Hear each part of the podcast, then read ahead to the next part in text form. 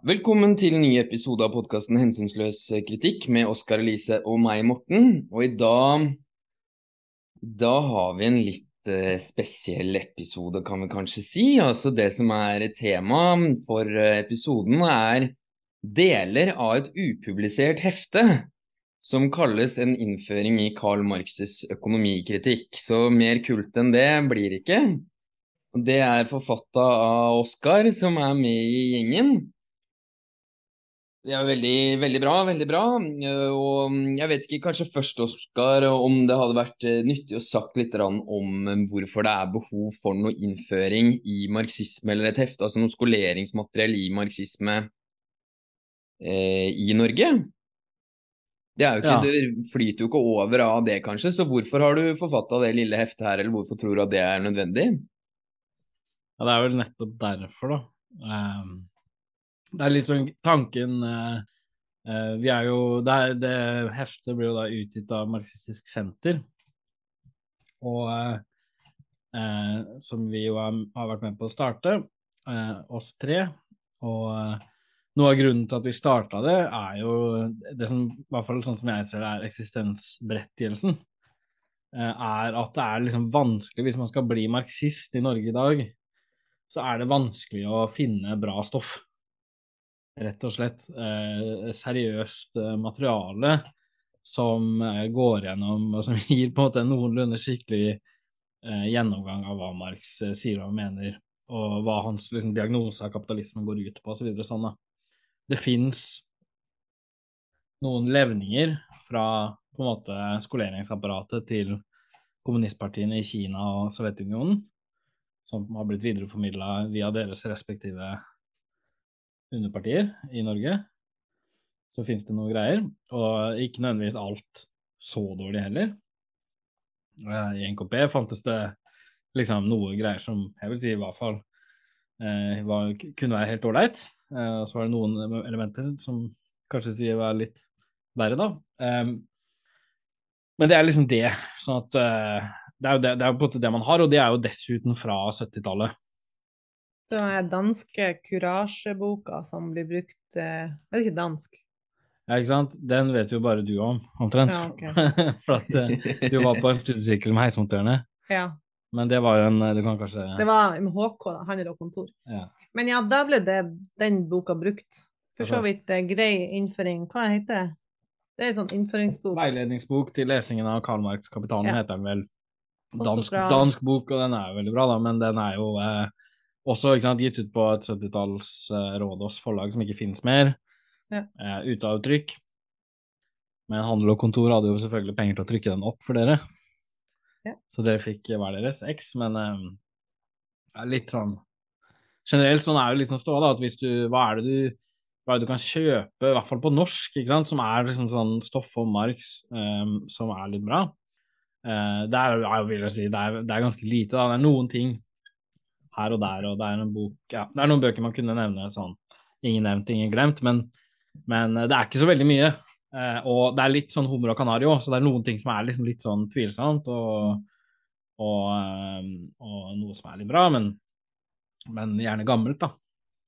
Så eh, jeg liksom føler at det, en, så i det hele tatt det å samle sammen gode sånne studieressurser som gjør det mulig å lese seg opp på Marx i Norge, eh, og ved å oversette liksom, kvalitetsting fra Tyskland og fra forskjellige sånne greier, det tror jeg liksom, det er, det er oppgaven verdt. da. For det er, litt, det er litt vanskelig å orientere seg i Norge. Eh, fordi at det du havner inn i Du, du må liksom velge mellom du skal lese studieheftene til AKP fra 70-tallet, og der er det litt sånn ja, noe bra og noe dårlig, og noe veldig dårlig. og eller så kan du lese sånn, det som finnes av sånn universitets... Altså marxister på universiteter i engelskspråklige universiteter mye, da. Eh, som er, oppfatter seg som marxister, og det de skriver. Og der er det noe bra og noe dårlig, vil jeg si. eh, men, eh, men, veldig sånn akademisert, da. Mm. Sånn at Og i det, i det, hele tatt, det å bygge opp liksom litt mer sånn marxistisk offentlighet også, i Norge er jo en bra ting. Men yeah. Men skulle vi også sagt liksom kort hvorfor vi har tenkt at vi tar en episode, eller ikke bare én episode, men i, i, tre-fire episoder om det heftet her? Ja, altså Det blir jo en måte for oss å snakke om eh, grunnleggende emner i eh, Marx sin kritiske teori om kapitalismen. Så kan vi ta opp liksom, noen av de grunnleggende emnene der i podkastform, som jo kan være en eh, altså Forhåpentligvis eh, ha en eh, betydning da, som potensielt skoleringsmateriell for personer som er interessert i det. Sånn, som et supplement til det heftet sjøl, og kanskje mm. da til andre. Og ikke minst kanskje spørre en del spørsmål, for at uh, det er jo ikke bare enkelt, uh, det materiet her. Så det er jo litt sånn greit når man kan snakke om det og spørre flere spørsmål enn det det blir plass til i et sånt innføringshefte. For, at for å få meninga frem, så blir det litt vanskelig å på en måte eh, ja, ikke sant, definere absolutt alle begrep og alt sånn, og da kan man heller ta det kanskje muntlig. Så for heller sånn at det blir liksom supplerende når du leser det, så kan du høre det også. Så blir det litt klarere for deg. Og forhåpentligvis kan man kanskje komme til et tidspunkt der folk kan stille spørsmål også. Kan man svare på det.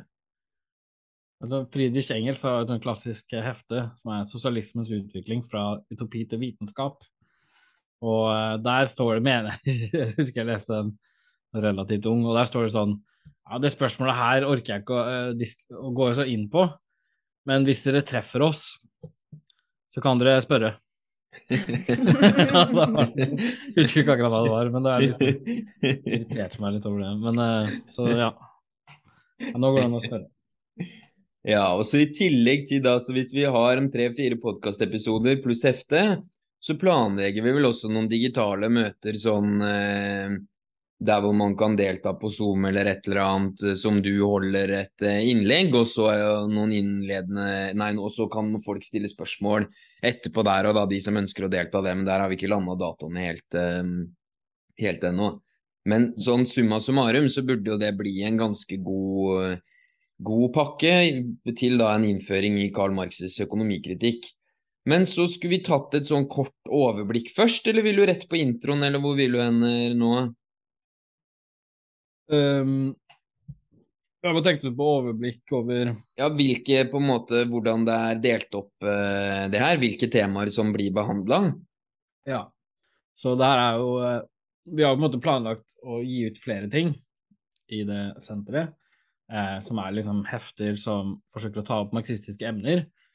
Og, men før jeg, lov, noen av oss fikk lov til å begynne med de, de tingene som vi egentlig hadde lyst til å holde på med, så måtte vi skrive innfør, et liksom innføringsgreie. Så det er liksom den pliktjobben vi gjør her. Og det er ektefullt nok. Men, eh, så, men i hvert fall her så, så er det liksom en sånn OK, det tar for seg emner som dukker opp i første bind av Kapitalen. Først og fremst, da. Så det er litt sånn sitater fra manuskriptene her og der. og sånt noe, men, men, først og fremst fordi de belyser ting som det, De poengene, kjernepoengene i kapitalen, da, første bind. Og det er kanskje også verdt å nevne at det... Som er hovedverket til Marx, eh, må man vel si, da. Men det tar jo også for seg Nå sa du første bind, og tenkte du mente, ja. men du mente første bind, ikke For det tar jo også for seg tenkt fra første kapittel. Og det er jo òg ting som er litt sånn Jeg ville jo sagt det er ganske vanskelig, da. Så det er jo vanskelig, men det er jo nettopp derfor det er veldig viktige poeng. Det legger jo et helt grunnlag for videre forståelse. Ja. Eh, men det er jo kompliserte tema, og nettopp derfor tror jeg også det er viktig at det kommer egentlig inn i ei innføring, egentlig, selv om det er vanskelig. For det at det er såpass viktig. Ja, altså I dag kan du si det er eh, mye første kapittel eh, vi kommer inn på, da, men, men heftet som sådan eh, spenner jo på en måte temaet i hele eh, første bind av kapitalen. da. Ja. Eh, og litt sånn, litt sånn, andre ting. Men, men, så det handler om kan si, vare. Eh, begynne med å, å, prøve å liksom gi en sånn innledende rettferdiggjørelse av hvorfor man trenger eh, Marx sin kritikk av den politiske økonomi, som er det han kaller det store prosjektet sitt. Og så gå over til varen. Og så er det merverdi, som er liksom det kapitalen lever av. Og så er det akkumulasjon, da, som er mer sånn det kapitalistiske samfunnet i utvikling. Hvordan den utvikler seg over tid. Eh, så er det, det er liksom de hovedmomentene som vi spenner over. Og tanken i dag er å snakke om de to første, da. Så hvorfor man trenger det, trenger å holde på med det her, og, eh, og da dette med verdi, vare, uh, hva det er, osv. Ja, men da går vi vel bare rett på, da. Så hvorfor trenger vi kritikken av den politiske økonomien, egentlig? Ja, jeg vet ikke hva um, jeg, jeg, har på en måte prøvd å Eller vi har prøvd å smi en, en rettferdiggjørelse av det. Jeg vil si, og det er hva skal man si, smi, det er å prøve å formulere mitt eget syn på det, rett og slett. Som er liksom hvorfor, hvorfor jeg mener man bare ikke klarer seg uten det. Og, um, og det er jo det Jeg vil si at Ja, jeg vet ikke Jeg prøver det, det, det som jeg føler er poenget, er at hvis du ikke har en utvikla forståelse av det kapitalistiske samfunnet, så klarer du ikke å, å drive seriøs sosialistisk politikk i et kapitalistisk samfunn. Du klarer ikke å formulere et handlingsprogram som identifiserer eh, kjerna av de problemene du ønsker å løse. Så du klarer ikke å komme på sporet av hva som er røttene til de problemene du ønsker å løse. Og, ehm, og, du, og du, ender også opp med å med, med liksom sånn selvmotsigende programmer, vil jeg si. da. Så du blir ute av stand til å realisere den politikken du ønsker å få gjennom.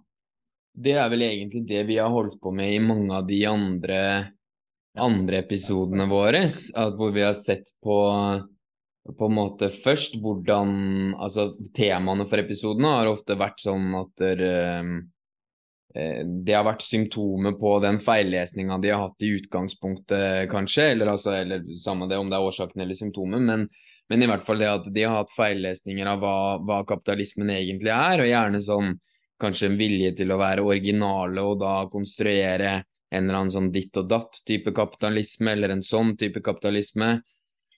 Og så har man da lansert kurer for de systemene man har, um, man har kritisert, som i virkeligheten ikke hadde villig fungert fordi at det viste seg at analysen var feil, da. Så um, du sier jo et eller annet om det her, om at det er liksom ikke noe at det kan synes som det er en motsetning mellom teori og praksis. At, der, eh, at det kan synes som at ja, hvorfor skal vi ikke bare handle? Hva, hva, trenger vi all den teorien til, liksom? Skal vi ikke bare få endra verden, eh, mm. komme rett til saken, og ikke bare sitte her og lese og studere? Men, eh, men det syns jeg får fram ganske bra at der, um, hvis du ikke vet hvordan verden er, så blir det veldig vanskelig å, å finne ut hvordan du skal forandre noe. Mm. Og særlig nå tenker jeg det er jo også viktig, for at det er jo veldig i vind, kapitalismekritikk, på en måte. Miljøvernerne kritiserer kapitalismen, og flere partier kritiserer kapitalismen, og det er liksom ulike grupper. Eh, men kritiseringa blir kanskje ganske sånn på et overfladisk nivå, ikke sant? Eksempel sånne slagord som eh, Vi kan ikke ha evig vekst. Ikke sant? Sånne små, korte ting og, som gjør at det blir litt sånn vanskelig å forstå hva er det egentlig man må endre på. Er det nok å bare ikke ha vekst, eller sånn? ikke sant? Så jeg tenker at det, det er nødvendig å gå litt lenger inn i det. Og eh, selvfølgelig kunne spre det til de som faktisk vil kritisere kapitalismen, og gi dem et lite hint om eh, du må gå litt eh, dypere inn og se på det her. Og det Ordet radikal er jo liksom fra latin radix, som betyr rot. Sånn at eh, det å være radikal, det handler om å gå Da går du til rødt til den tilstanden som eksisterer, og identifiserer de røttene og går til angrep på de, liksom. Istedenfor å eh, skyte mot symptomene. Mm. Eh, for det å, det å, rette seg mot symptomene, det oppnår selvfølgelig ingenting. Og, og jeg vil si det finnes veldig mye ikke sant, sånn Sosialismen ser man, og det er jo på en måte vårt kjernepoeng i det podkasten, så det har kanskje kommet fram før, da, men liksom Sosialisme er jo ikke noe nødvendigvis noe å bli imponert av. Det er liksom det, jeg vil si er mitt, det budskapet vi hamrer inn og inn og inn. Det å være antikapitalist, det å være sosialist, det er liksom ikke noe imponerende i og for seg. Eh, for du, det du legger Alt handler om hva du legger i de begrepene, og hvor godt du forstår det, egentlig. ikke sant? Og det er ekstremt mange sosialister som selvutnevnte sosialistiske grupper som ikke bare har vært liksom moralsk eh, perverse, men, men, som også har vært liksom ekstremt nyttige for det bestående. fordi de kanaliserer sinne mot ikke sant, jødiske finansparasitter. Og det var jo en måte å, å, å avlede Altså, den katolske kjerka mobiliserte den typen eh, sinne mot kapitalismen helt fra den franske revolusjonen. Og det var jo selvfølgelig ikke fordi de var spesielt revolusjonære, men nettopp fordi de var antirevolusjonære. Og det går en linje der til nazistisk antikapitalisme osv. som var liksom ekstremt nyttig for eh, ek ekstremt nyttig for en veldig sånn konservativ, reaksjonær bevegelse, fordi den kanaliserer sinne i retninger som er helt sånn urealiserbare, og som ikke liksom fører noe vei, sånn at den, liksom, sånn liksom det, måte, det blir i praksis et forsvar for det bestående, et forsvar for kapitalismen, selv om de foregir å være det motsatte. ikke sant? Sånn at, Det er derfor det er liksom sånn, hvis du ser på den virkelige historien av såkalt antikapitalisme og sosialisme, så ser man liksom hvor viktig det er at, den, at, at eh, den, sosialismen baserer seg på en skikkelig diagnose av samfunnet, sånn at den adresserer røttene, og ikke bare eh, alle disse symptomene. Da, ikke sant? Um, og det er jo nettopp det som fikk Marx og Engels til å bruke det uttrykket vitenskapelig sosialisme. At, de, at, man må liksom ha en sosialisme som er forankra i vitenskapelige måter å tenke på, vitenskapelige måter å finne fram årsakene til samfunnsmessige problemer på.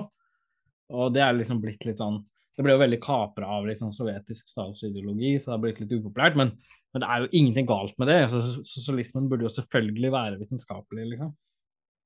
Men la oss si at man aksepterer da at det er viktig å ha en uh en god forståelse av kapitalismen for å kunne komme fram til et handlingsprogram som det blir noe futt i. Hvorfor er det Marx man skal lese for å forstå kapitalismen? Altså avhengig av hvor, liksom, om man sier det begynte på 1400-tallet eller 1500 Men altså, hvorfor er det Hvorfor er det Marx som er den beste teoretikeren for, eh, la oss si, sosialister og kommunister? Når det gjelder å forstå kapitalismen, hvorfor skal de ikke lese noen nyere greier, for eksempel, eller eh, er det mulig å gi noe svar på det, eller? Det er vanskelig, på en måte vanskelig å foregripe, da. Så man må liksom bare mm. lese det, og så på en måte skjønne det. altså, det er litt sånn eh, For du kan ikke, selvfølgelig ikke liksom beskrive eh, det alt det han får til, uten å på en måte ha gått gjennom det. Eh, så på en måte så er det vanskelig å svare på. Men, men det er liksom, jeg, man kan på en måte bare Jeg føler jeg bare kan liksom erklære, hvert fall mitt syn, som er at sånn Når det gjelder teorier om kapitalismen, om det kapitalistiske samfunnet, så finner du bare altså Marx er for, for, for, teorien om kapitalismen det Darwin er for biologien eller evolusjonen eller ikke sant, sånt noe. Det er faktisk sånn. altså det er, jeg, jeg mener i hvert fall helt klart at det er ingen som er i nærheten av og, så, så, og, ha en så gjennomarbeida eh, perspektiv på det, eh, som reflekterer liksom over, over, både metoden og, og innholdet og eh, de forskjellige bestanddeler av teorien osv. Så, videre. så mener, det, er liksom, det er bare min mening at det, eh, du, du, kommer ikke i nærheten. Eh, du må, du å lese og, og, liksom drive på med teorier om kapitalisme uten Marx, det er sånn Ja. Men det må jo gå an å kunne si noe, selv om ikke du liker å foregripe. Så kan man jo si, eller jeg ville jo jeg tenkt, at Marx brukte jo veldig, veldig, veldig mange år av sitt liv, mange, men i hvert fall ti, konkret på eh, å skrive eh, denne boka, da. Der han eh, gjorde ikke sant, en vitenskapelig analyse av samfunnet, ikke sant. Altså, han gikk veldig dypt inn i det, og, og jeg tenker på den tida så var det jo litt mer vanlig å analysere hva det var som skjedde. Jeg tenkte flere sånne liberale teoretikere, Adam Smith og Ricardo, som også kunne være innpå de sporene der. Så på den tida var det jo litt mer vanlig at du analyserte samfunnsforholdene på den måten, da. Så tok jo han det hakket videre, da. Mm. Og det er jo basert på ekstremt masse empiri, Altså der du går inn i eh, bedriftene og ser hvordan forholdene var. Og, og selv om ikke du kan si at kapitalismen var på sitt høyeste stadie, ser vi nå er jo verden er jo masse, består av mange flere kapitalistiske land, på en måte, så er det jo allikevel Det er jo skrevet når det virkelig toka, da, under, i England på 1850 og utover, på en måte. Sånn at det er klart, det er jo du kan si, Kanskje var det enkelt å se forskjellen på det som var før, og det som har kommet nå. Og sånn sett en interessant måte da å gå inn på det nå, hvor det har vært så vanlig så lenge at folk er litt sånn Ja, men det er jo sånn det er. Mm. Det er sånn det alltid har vært. Det er sånn det må være. Da var det litt mer nytt og ja. Ja, så det er, jeg vil si, ja, absolutt. Eh, men det er sånn generelt Det er vanskelig å foregripe det sånn men, men, jeg vil bare si, hvis man leser det, det, eh, Marx' 'Kapitalen' og det han Marx skriver om kapitalisme, det er jo ikke bare en teori, en veldig nøye gjennomarbeida teori om kapitalismen, men den er jo også utvikla fra, fra et arbeiderklasseståsted. Altså, den handler om å, å, forstå det systemet her for å liksom knuse det, ikke sant? for å, å, å omvelte det, for å kritisere det. Det er det som er Marx' kritikk av den politiske økonomi. Det er for at den politiske økonomien, som var liksom en, en, eh, gren av økonomifaget, kan man si, det, det handla jo Det var jo veldig mange tenkere som har brukt hele livet sitt på å forstå kapitalismen i og for seg, som tilhørte den tradisjonen, og mye sofistikerte teorier også. Men det handla jo grunnleggende sett om å forsvare det systemet, ikke sant. Det var en ulike måter, eh, former for rettferdiggjøring av det systemet som lå til grunn, og ganske borgerlige perspektiver, ikke sant? borgerlige klasseperspektiver. Mens det her er liksom en teori om kapitalismen som er skrevet fra et, fra et helt klart liksom, sosialistisk ståsted, fra et arbeiderklasseperspektiv. Og det gjennomsyrer jo alle perspektivene også.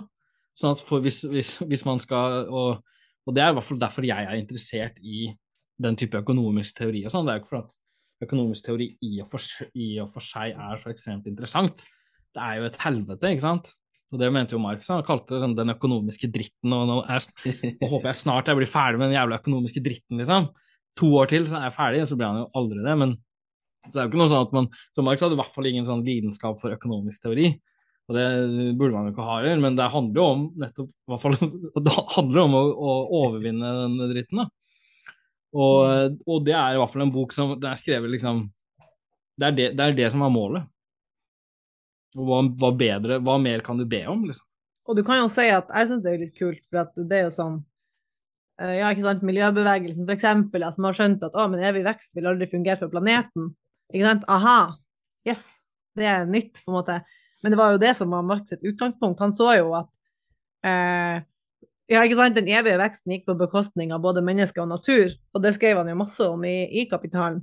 Så det er jo litt sånn interessant at det var jo også en Han skjønte jo at det her systemet må endres, for det er ikke bærekraftig over en lengre periode. ikke sant? Så det er jo det som er litt sånn interessant. Det er eh, veldig relevant, sjøl om det er skrevet for så lenge siden.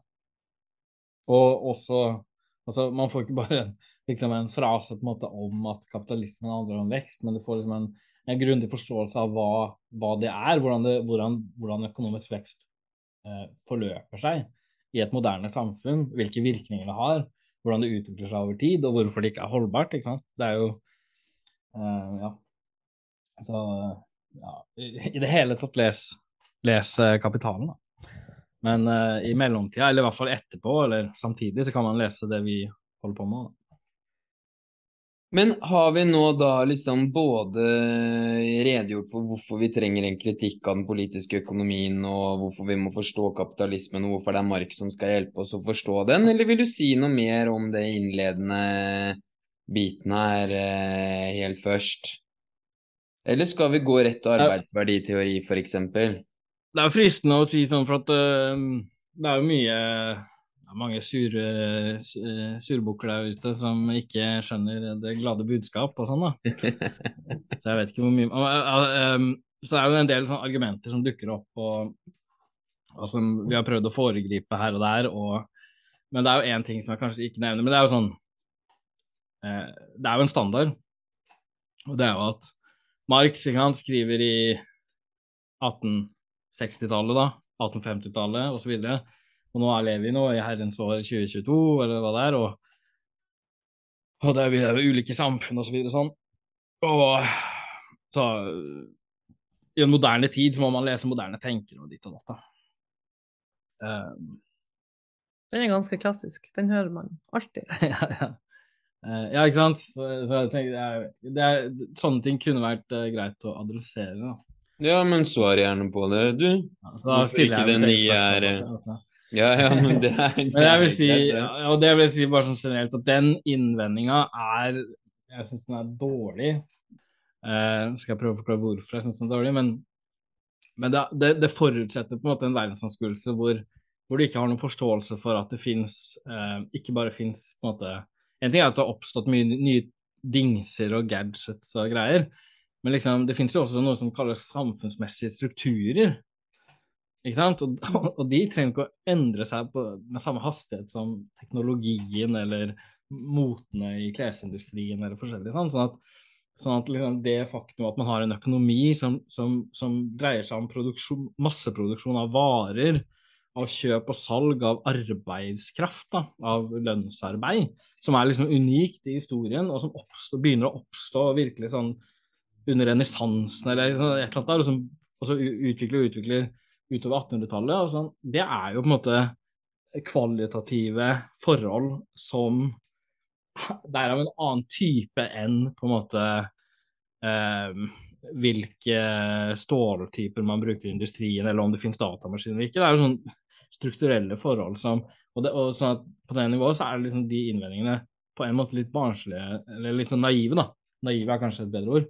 Um, og det er jo sånn, det er jo ikke bare Marx. altså Hvis man ser før Marx òg, så er det jo sånn Du leser um, uh, Thomas Hobbes, som er en sånn en tidlig observatør av egentlig sånn gryende kapitalistiske forhold. Han er jo en skarp analytiker av, som har relevans for vårt samfunn, fordi han isolerer ut det som er kapitalismen. Liksom, kapitalismen I den grad kapitalismen fins på hans tid, så er det som en, i kombinasjoner med andre typer økonomiske forhold. I kombinasjoner med ikke sant, type middelalderforhold ved bøndene, ved selvstendige bønder, selvstendige håndverkere. Masse greier. Og så finnes det noen liksom, lommer av det vi kan kalle kapitalisme. Så er det noen skarpe tenkere allerede på 1500-1600-tallet som isolerer ut de kapitalistiske lommene og som liksom tenker seg hvordan vil samfunnet se ut om hele samfunnet var sånn? Hvis vi ser for oss at å, det her er de, disse ekspanderer litt og litt. Eh, så da burde man jo tenke seg hvordan vil samfunnet se ut hvis vi ser bort ifra alt det andre sånn som verden virkelig er, og så bare tenker at hvordan samfunnet er hvis alt er kapitalistisk. Ikke sant? Og, og det, det, finner du jo tendenser, eh, sterke tendenser til hos han. Du finner det i Sismondi, som også er en stund før Marx. Og liksom masse tenkere før Marx som har den der impulsen i seg, de klassiske økonomene. Og derfor så er jo det de sier liksom mye mer relevant for vår tid enn de er for sin egen tid. Eh, kvantitativt sett, ikke sant. For at vi ser bort ifra veldig mye av de virkelige forholdene på sin egen tid, og så prosjiserer de fram et samfunn som er rendyrka kapitalistisk og, og, i og med at den kapitalistiske nivå, eh, Altså graden av innflytelse til det vi kan kalle den kapitalistiske økonomiske mekanismen har økt sammenligna med de andre, så blir jo deres teorier sannere og sannere. Og ikke mer og eh, mindre og mindre sanne, på en måte, etter hvert som tiden går. Og Marx er jo helt klart i den tradisjonen, og han, han analyserer jo samfunnet som om det er fullstendig kapitalistisk, egentlig, da. Mm. Mer eller mindre. Uh, um, I tråd med det altså de, mm. de, den tradisjonen han står i. Og den er jo hundrevis av år gammel. Uh, sånn at liksom, det er ikke bare Marx som er mer relevant enn noensinne, men det er liksom en hel tradisjon av samfunnsteori. Uh, liksom, liksom noe av det tilbake til 1500-1600-tallet, som er liksom utrolig skarpe greier. Og hvor du bare liksom De virkelig Altså, du ser på en måte eh, de ser slags hvor det går. da, de, ser, de klarer å prosess, det, det, handler om abstra en abstraksjonsmetode hvor du kan, hvor du kan se, se, for deg at den kapitalistiske mekanismen er den som dominerer. Og, og de, de, beskrivelsene du da kommer fram til, kan være ganske skarpe. da. Det er veldig mange eksempler på det. Men Marx er jo e, et sånt eksempel, og han, han, jeg vil si han gjør det bedre enn en mange andre. Og, og det, det, det, mister man liksom helt eh, synet av da, når man begynner med sånn Å, ikke sant ja, det er så gammel og bla, bla, bla. Ja. Jeg tenker òg at bare Nei, men at, at, det er litt artig òg, for at eh, med en gang du òg begynner å tvile på relevansen av Marx, så blir det òg veldig tydelig at du ikke har peiling på Marx, for min del. For at det er liksom sånn, Hvis du hadde lest Kapitalen, hadde ikke jeg trengt å fortelle deg det. Ja, du skjønt hvor jævla bra det var. Ja, da hadde du skjønt, jo, jo, men jeg føler det litt sånn. For at uh, Marx så går jo ekstremt nøye gjennom historien, og, og, alle forholdene som har skjedd, og produksjonsmåter før de kapitalistiske kom, ikke sant. Så det er jo en ekstremt nøye gjennomgang av, av hvordan ting, ting eh, liksom utfolder seg, da. Men nå ikke bare de kapitalistiske produksjonsforholdene, men også staten sin rolle i alt det her, og, ikke sant? og hvor masse det ligner på i dag. ikke sant? Kampen for tolvtimersdagen. Det er jo identisk for de kampene du har i dag for mindre arbeidstid, og argumentene mot er de samme. altså Det er så masse som er helt likens. Så det er derfor tenker jeg at det er litt sånn interessant. For med en gang noen sier det, så skjønner du OK, skjønner, du har ikke lest det, du, du har ikke peiling på hva du snakker om. Mm. Men det er jo greit, folk må jo få lov å spørre. Jeg skjønner jo at det er instinktivt. Eh, liksom, er liksom Hæ, er det relevant nå? Ja, men hvis man skulle f.eks. sett på sånn som dekninga Klassekampen hadde da det var jubileum for et par år siden, eller et eller annet sånt, da, da, ikke, da kan vi ikke være like snille med kritikken, kanskje. For der, de må man jo anta at noen av de som skrev der, var, hadde faktisk lest Marx, men det var jo stort sett eh, slakt. Jeg husker ikke, var det 150-årsjubileum til Kapitalen, var det det som var eh... Ja, det var jo to. Det var jo 2017 eh, var det 150 år siden kapitalen kom. Var det det? Og så 2018 ja. var det 200-årsdagen til Marx. Ja, hvilken da var det hvilken gang Det var 17. de markerte mye, var det det, eller var det 18.? Samme det, egentlig, da. De det var litt, uh, litt, markering her og der, men ja, uh, ja det, det, var kanskje Jeg husker ikke. Det, det kom i, begge, i faktisk begge år så kom det liksom usedvanlig mange artikler om Marx, da og intervjuer i Klassekampen osv. om liksom Marx verditeori og sånn. Men det var jo veldig mye sånn økonomer, type sånn Ebba Boje hadde vel eh, Hadde jo en sånn eh, ja, Hun var en av mange, da, det er bare den jeg husker i farta, men hennes liksom, argument var at eh, Sovjetunionens fall viste at Marx' sin økonomiske teori i kapitalen var feil, fordi de forsøkte å implementere den økonomiske teorien, på en måte. Yeah. Som er liksom helt Det er så idiotisk, ikke sant. Sånn, du skjønner ikke engang at det han beskriver, er kapitalismen, på en måte. Og det er det han, han beskriver det han prøver å kvitt, oppheve. Yeah. Sånn at du Ja, det er liksom så tåpelig, men det var, jo hun er jo liksom, renommert økonom og ble gitt flere intervjuer om liksom eh, relevansen til Karl Marx. Og så har du så altså, Og så uttaler du deg om det, og så har du faen meg ingen peiling på det i det hele tatt. Det er jo sånn Altså, det fins jo eh, økonomer som er kritiske til Marx, som liksom har lest Kapitalen og sånn. Eh, de gjør det, men, men uh, hun var ikke en av de, da. Det må jo også sies at veldig mange som tenker at de kan noe om Marx, har veldig ofte lest liksom an, andrehåndslitteratur, skulle jeg si. Ja. Og det er jo interessant, for vi har jo hatt skolering der vi har lest Kapitalen i sirkel, ikke sant. Da er det veldig mange som har vært politisk et helt liv. Ikke sant? De er pensjonister. Og de har vært politiske politisk et helt liv og tenkt at de kunne noe om Marx, og vært helt ærlig på at herregud, jeg hadde jo aldri lest Kapitalen, og jeg skjønner at jeg har aldri skjønt noe som helst. For den litteraturen vi leste, var jo liksom feilformidlinga av det. Så det er det som har vært en trend da, nesten, at du har ikke lest selve han, du har lest noen andre som har tolka han på feil måte, og det blir bare tull, på en måte. Så drøv, ja, den skal ikke vi rakke for mye ned på tolkninger av Max. det er veldig viktig å lese bare tolkninger Max. Men, uh, nei da, men det er jo akkurat det at, uh, at uh, det her var jo en person som hadde vært hele livet i AKP, ML, liksom, og aldri og lest de pamflettene som han produserte der, men aldri Marx. Liksom. Hun syns at det var ganske sånn opplysende å faktisk dra seg gjennom kapitalen, på en måte. Ja. Um, ja, nei, men veldig bra. Jeg, jeg Min oppfatning nå er at vi har sagt ganske mye innledende, men at det fortsatt ikke er så veldig håndfast, og at vi bør gå i, mm, litt mer inn på arbeidsverditeorien, kanskje. Men jeg ser at jeg allerede har drukket opp min første øl, så jeg må bare hente en ny. Men eh, er vi enige om det, at vi er klare for å begynne på det? Ja, ja. jeg syns jo det. Ja, veldig bra.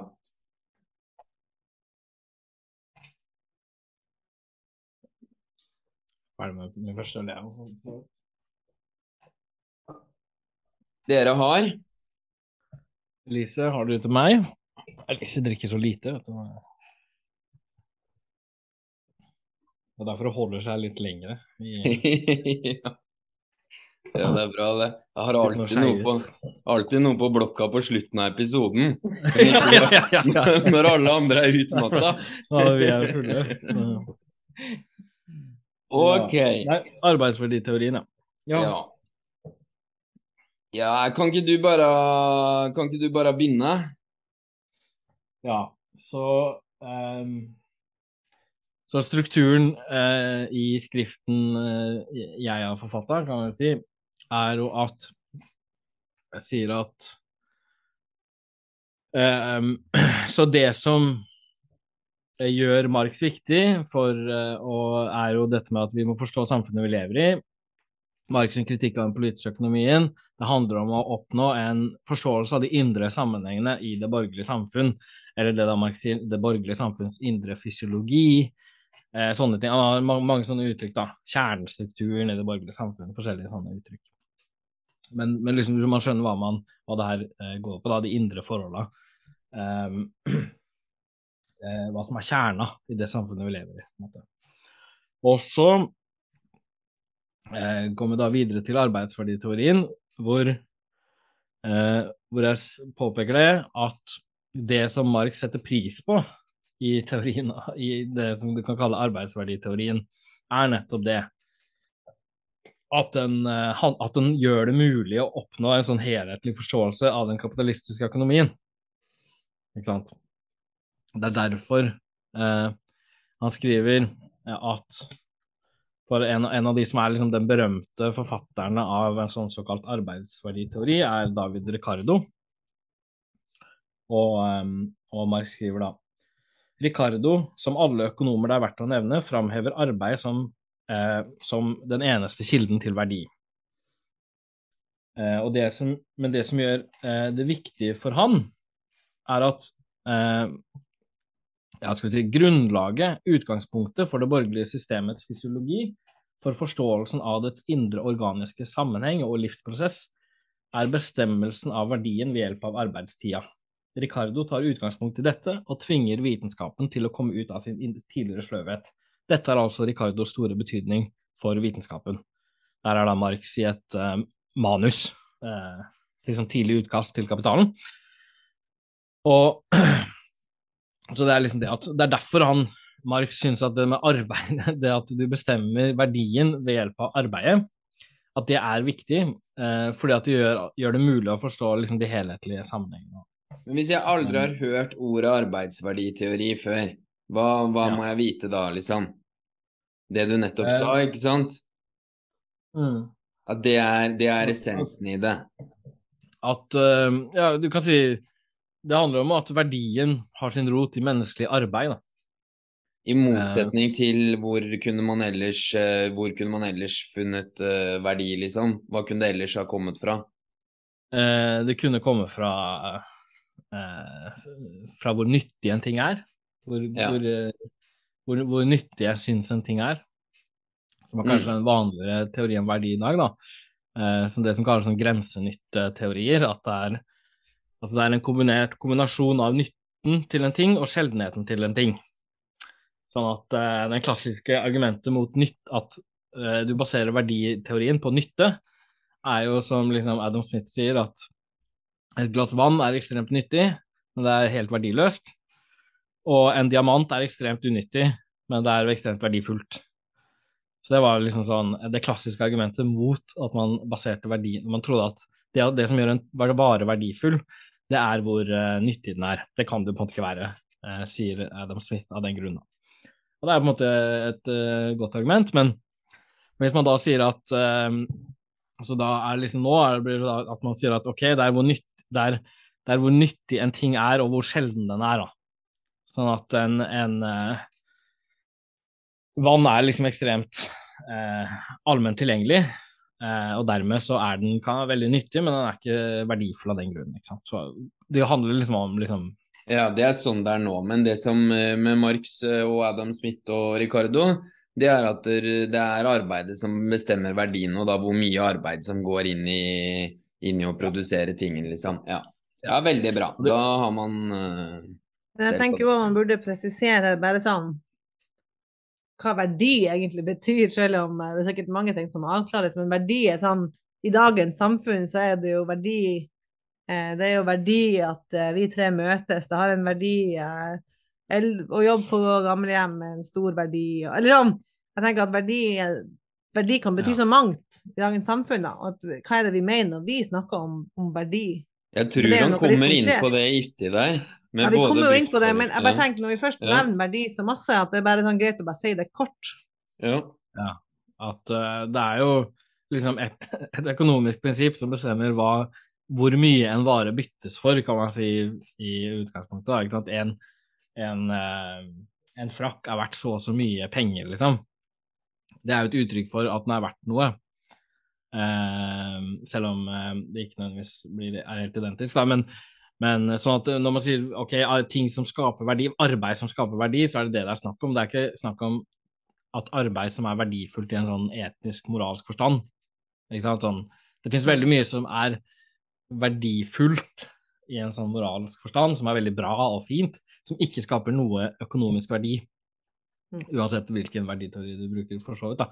Så det er sånn, eh, Men ofte sånne diskusjoner, sånn studiesirkeldiskusjoner og sånn, kan bli litt sånn, som du sier, Elise, ja, litt sånn eh, prega av at man har en litt sånn moralsk eh, intuisjon av hva verdi er, liksom.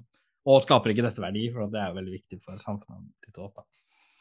Så ja, mm. Det handler ikke om liksom, hva som er verdifullt, det handler jo bare om hva som styrer byttet mellom varer i første omgang. Mm. Men det som kan du si er karakteristisk for Ricardo, er at det handler ikke bare om det, da. Ikke bare hva som styrer byttet mellom varer, men liksom hva som egentlig styrer hele økonomien. Eh, for at liksom det med at arbeid eh, skaper, en, eh, skaper verdien til en vare, i Ricardo så blir det et system som henger sammen med altså alle de økonomiske kategoriene som eh, liksom fins i samfunnet. Som altså ikke bare profitten, men liksom grunneiendommen og renten og utviklingen av eh, akkumulasjon osv. Alt har med det å gjøre, da, dette med arbeid og verdi. Og det er der, er der Mark liksom ser at Ricardo er arbeidsverditeorien er betydningsfull, og Ricardo er betydningsfull for at den liksom gjør det mulig å komme på spor av hva som er de indre sammenhengene i det samfunnet vi lever i. Um, men ikke det dermed sagt at Marx er noe sånn til, at han er en sånn ukritisk tilhenger av Ricardo. Uh, for han er liksom ekstremt, han mener at det er masse problemer der og sånn, men, men det er liksom the basic eh, point, da. Uh, hvorfor han mener at det er så viktig. Uh, ja. Veldig bra. Jeg syns det hadde vært litt interessant å bare ta Jeg vet det står jo ganske klart i det heftet, og det er ikke så veldig vanskelig å forstå egentlig, men det er litt interessant hvorfor eh, før i tida var arbeidsverditeorien noe liberale økonomer holdt på med før Marx, og hvorfor eh, slutta de med det? Ja. Når de allerede egentlig var på sporet før Marx? Det er jo hele det er jo rosinen i pølsa vår. Jeg tenkte å hva skal man si, hoppe litt rundt den og sånn, men, eh, men, ja. Skal vi bare Du kan få hoppe rundt òg. Gå, gå, rett på, hopp rundt, gjør hva du vil. Um, ja Altså, det Ja, for det er jo det du kan si, er at um,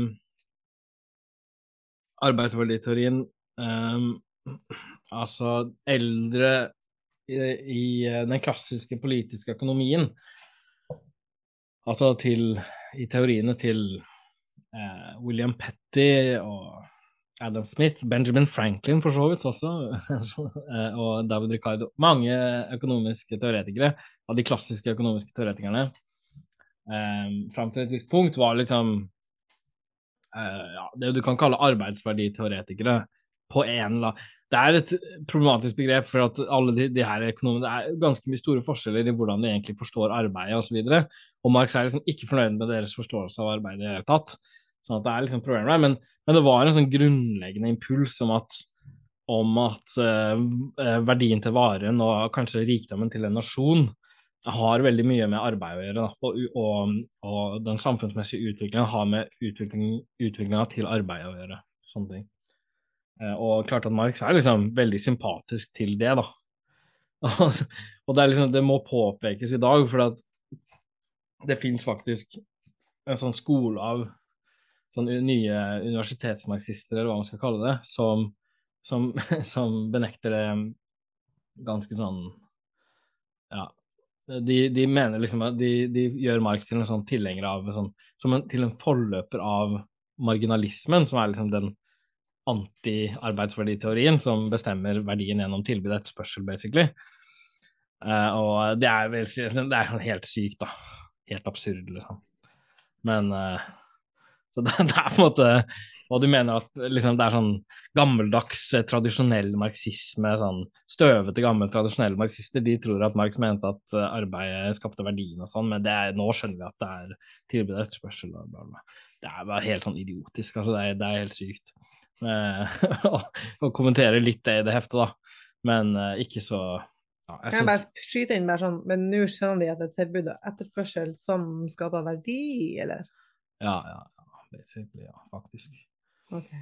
Og det er noe sære lesinger av Marx der, men ja.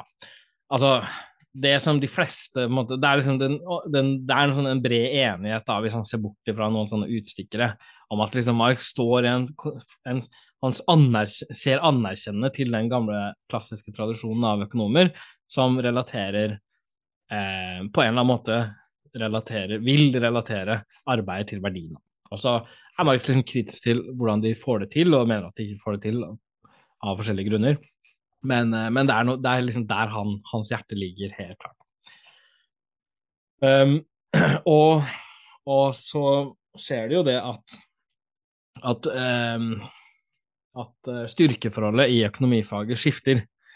Og, den, og det, det, skjer et kraftig byks i retning av bort fra sånne arbeidsverditeorier til sånne nytteverditeorier, da. Eh, type, da. Verditeorier som var med liksom hvordan Og det er hvordan vi subjektivt, personlig, psykologisk verdsetter forskjellige produkter. Det er liksom det som skaper verdien til de produktene. Det som vi var inne på i stad.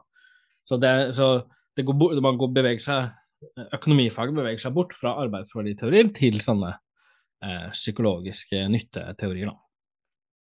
Og, eh, og, det skjer mens Marx lever, og mer og mer etter hvert som han lever, kan man si, da.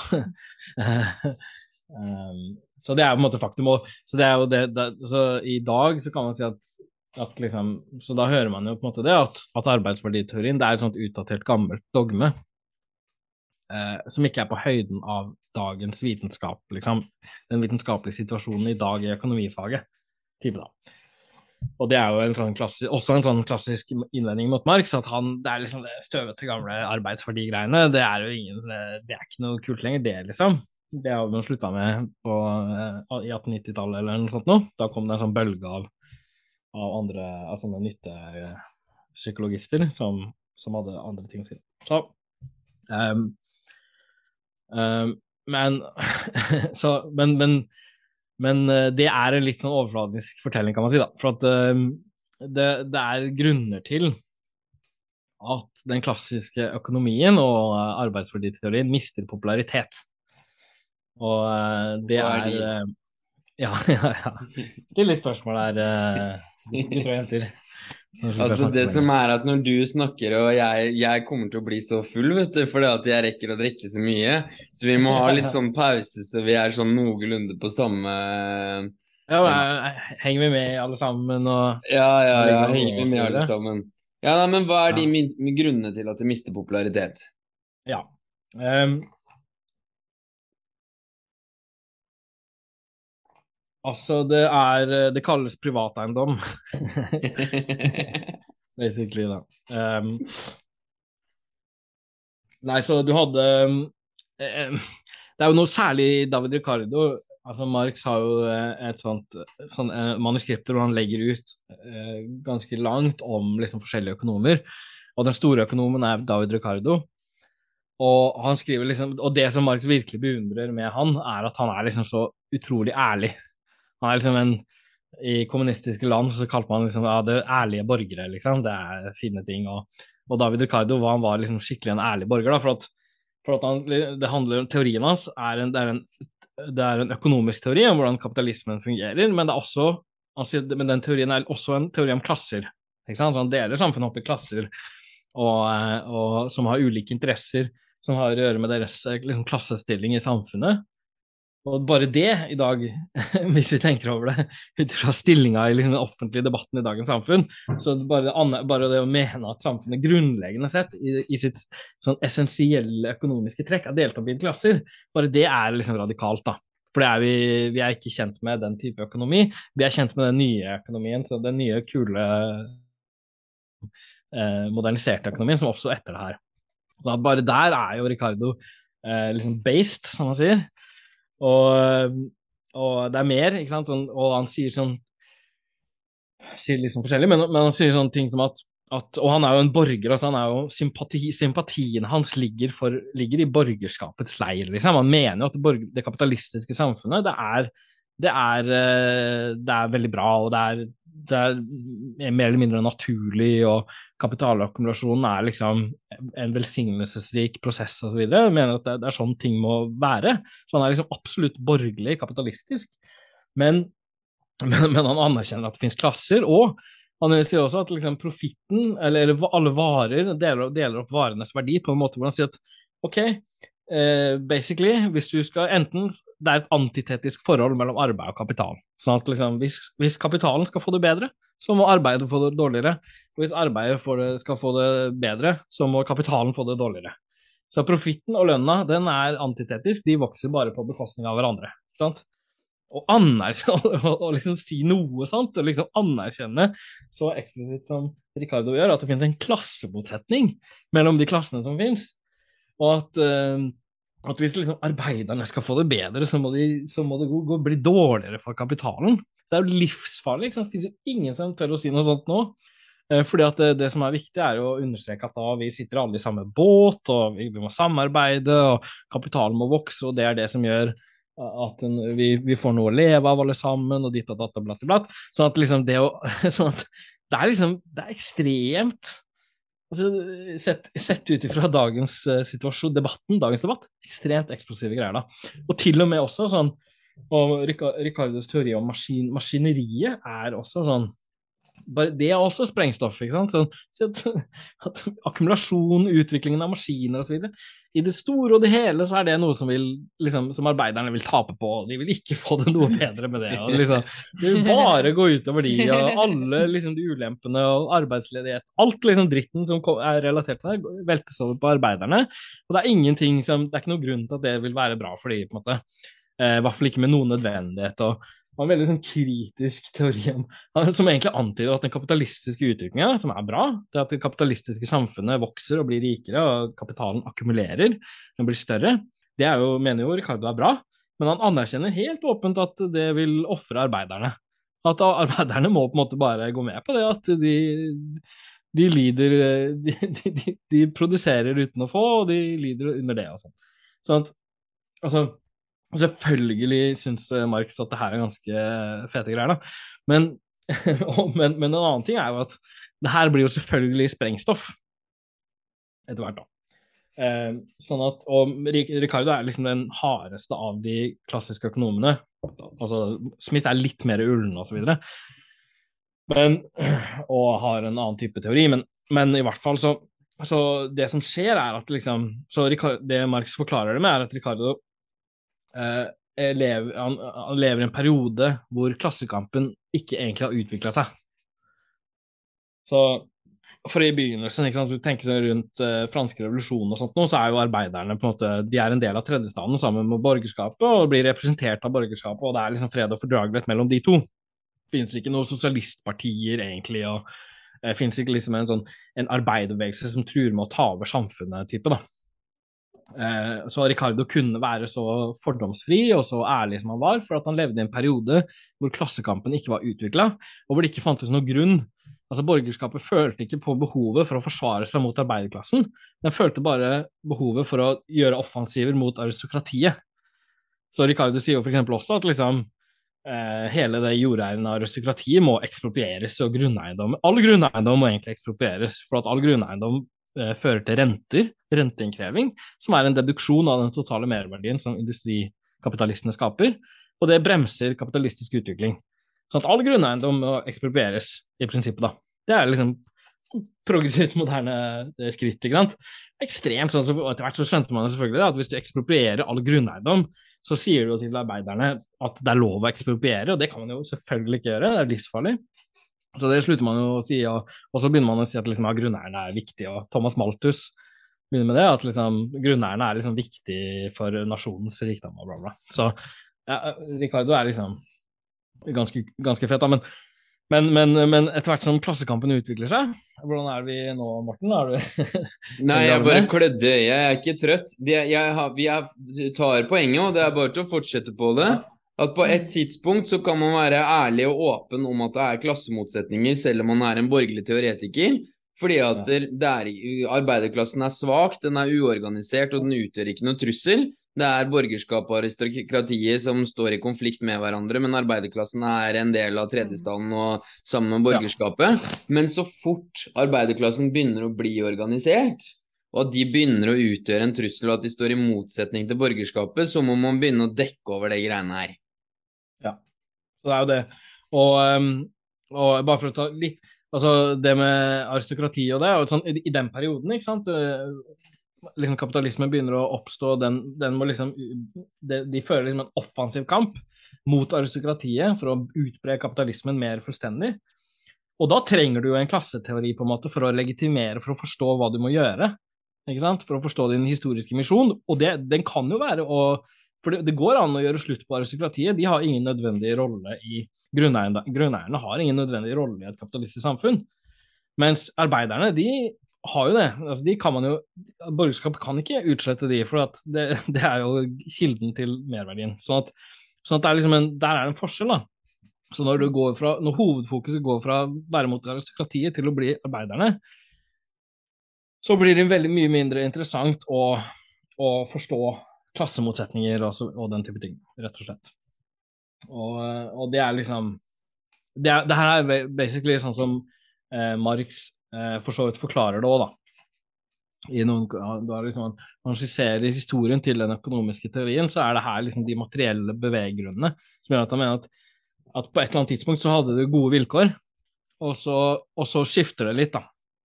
Og du mm. får eh, og du får eh, Vilkårene begynner å legge med økonomi, altså type økonomiske teorier som maskerer klasseskillene i samfunnet, ikke sant? Som, som finner måter å gjøre lønna til kapitalisten som liksom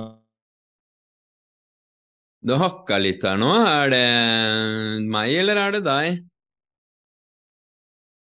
At uh, den kapitalistiske prosessen er Nå tror jeg du må, siden det er jeg som kjører opptaket, og det hakka litt der, så vet jeg ikke om det er meg eller deg, men du må spole 20 sekunder tilbake, i hvert fall. Ja. Ok. Skal vi se hvor uh, Bare at ikke det er internett min, okay, men jeg tror det skal gå. Men uh, OK, ja. altså uh, ja. ja. Så, um, så, du etter hvert som det Ja, du, som Morten oppsummerte, egentlig, at liksom når, når den klassekampen begynner å tilta, så betingelsene for den Ricardo holder på med, det forsvinner. Og vilkårene begynner å ligge, legge veldig til rette for eh, å liksom harmonisere samfunnet da, og si at det fins ikke klasser, det fins ikke noen klassemotsetninger. ikke sant? Alle mennesker, herre og Sven osv., er liksom bare brødre i, i, blodet, liksom. Vi gjør alle vårt, og så får vi, får vi hvert vårt. Eh, vi kan komme mer, mer inn på det senere, men, men eh, liksom den type greier, da. Og, og vendingen mot arbeidsverditeorien har med det å gjøre. Og du ser også sånn eh, Hvis man ser eh, bare på eh, på historien, så er det liksom ja, det, er, det, er, det, er, veldig mye som taler for den eh, gjennomgangen her, da, kan du si.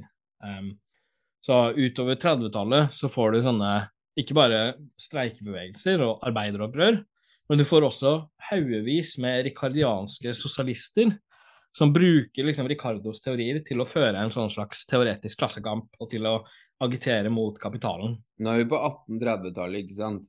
Ja. Så mm. du har eh, Hva er det du har? William Thompson, 1824. Eh, boka 'An Inquiry into the Principles of the Distribution of Wealth', eh, bla, bla, bla. Som er en sånn Ricardo eh, klassekamp-arbeiderteori. Thomas Hodgkin, Labour Defended Against the Claims of Capital', or The Unproductiveness of Capital, 1825. Eh, altså lukter, liksom. Og John F. Bray, 'Labour's Wrong, Wrongs and Labour's Remedy', 1839. Masse sånne typer teorier da, vokser fram. Og uh, hvor Ricardo brukes som et, liksom, som et instrument i sosialistisk agitasjon av en, en, en hel haug med sånne arbeidertenkere og forskjellige sånne tenkere som identifiserer seg med arbeiderklassen. Ricardo blir populær. Eh, og seinere også Prodot er jo for også et eksempel på det. Altså, masse sånne, sånne typer som liksom ønsker et rettferdig samfunn, eh, og som ønsker å agitere mot kapitalen og ønsker å liksom tale arbeidernes sak, og som bruker Ricardo eh, i, det, i det her, da. Um, og Thomas Malthus eh, sier også, eh, og påpeker også det, ikke sant, at uh, Thomas Malthus ble liksom alltid av blir alltid ganske negativt omtalt hver gang Marx omtaler han, og uh, han kaller han sånn en skamløs psykofant for overklassen og den, den type ting. Så, og uh, i, i, høyeste grad fortjent uh, for øvrig. Men Malthus skriver da det at Sitat, at arbeidet er rikdommens eneste kilde, ser ut til å være en læresetning som er like farlig som den er falsk, siden den beklageligvis gir støtte til de som hevder at all eiendom tilhører de arbeidende klasser, og at de blir ranet eller plyndret ut av andelen som går til de andre, altså til kapitalistene og grunneierne. Og um, det er også en ja, det er en bok om økonomisk uh, teoriers historie som er verdt å lese. Ernesto uh, Ernesto Screpanti og Stefano Samagni har en bok som heter An Outline of Economic Thought fra, of the History of Economic Thought fra 2005, hvor de da påpeker at det var den sosialistiske bruken av Ricardos teori om verdi og fordeling som fikk økonomene til å forkaste den an blokk. Så ut av reaksjonen mot de her ricardianske sosialistene som kommer på 20- og 30-tallet, så kommer vendingen, den veldige impulsen mot å finne liksom et alternativ til arbeidsverditeorien, og da en sånn subjektiv, nytteorientert teori. Sitat, Alle disse forsøk på å forklare verdien i subjektive termer var motivert av behovet for å forkaste arbeidsverditeorien, som hadde blitt et fryktelig politisk instrument, og så ut til å bevise utbyttingen av arbeiderklassen. Det er liksom det det sto om, da. sånn at Eh, sånn at det er, det, det, er liksom det økonomisk teori, og Marx sier det, at det, det, handler ikke bare om eh, det er hvilken som helst type annen vitenskap, fordi at det berører eh, spørsmål som har med egeninteresse å gjøre. Og, eh, og, du, og sånn, du, du, får liksom et skifte hvor, hvor, eh, hvor, det ligger veldig til rette for liksom sånn basically at økonomifaget tas over av liksom propagandistisk tilsløring av de vesentlige forholdene som har med klassemotsetninger å gjøre. For det er vanskelig på den ene siden å være borgerlig og si at arbeidet er kilden til verdi. Ja. Altså Å få det til å gå opp i opp, liksom, når du begynner å få en organisert arbeiderbevegelse, og de ser det at Ja, ok, så det er arbeidet som er kilden til verdi, og det er vi som arbeider og så skal dere samtidig fucke oss over og la oss ta hele støyten, liksom. Altså, så fort du får den organiserte arbeiderbevegelsen, så kan du ikke både være borgerlig og støtte arbeidsverditeori uten å på en måte bidra til å gi de våpen som de skal bruke videre, da. Så derfor så må den parkeres på et eller annet uh, ja. Nei, men det ligger dårlig til rette for den eh, teorien nå, ikke sant. Det er liksom ja. ikke en teori som faller på lyse ører, i hvert fall. Nei. Uh, man kan jo si at det lyktes så veldig godt.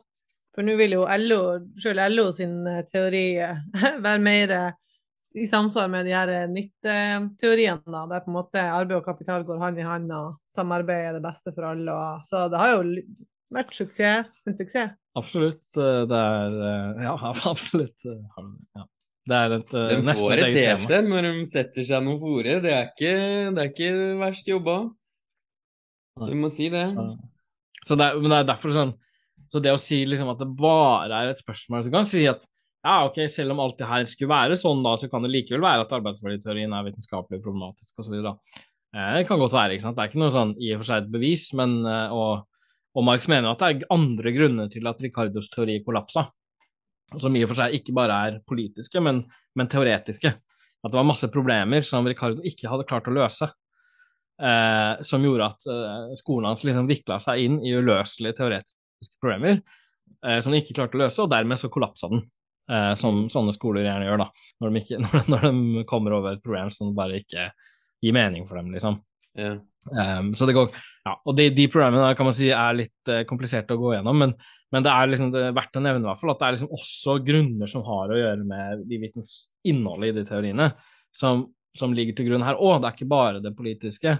Um, og, men Marx mener forstått at det er en sammenheng. da, at liksom, Det som gjorde at Ricardo vikla seg inn i disse programmene, at han ikke klarte å utvikle en ordentlig arbeidsverditeori, er, har å gjøre med at han egentlig er borgerlig og derfor har en tendens til å liksom naturalisere det kapitalistiske samfunnet, og så klarer han ikke derfor å komme fram til løsningene på de programmene han har, da.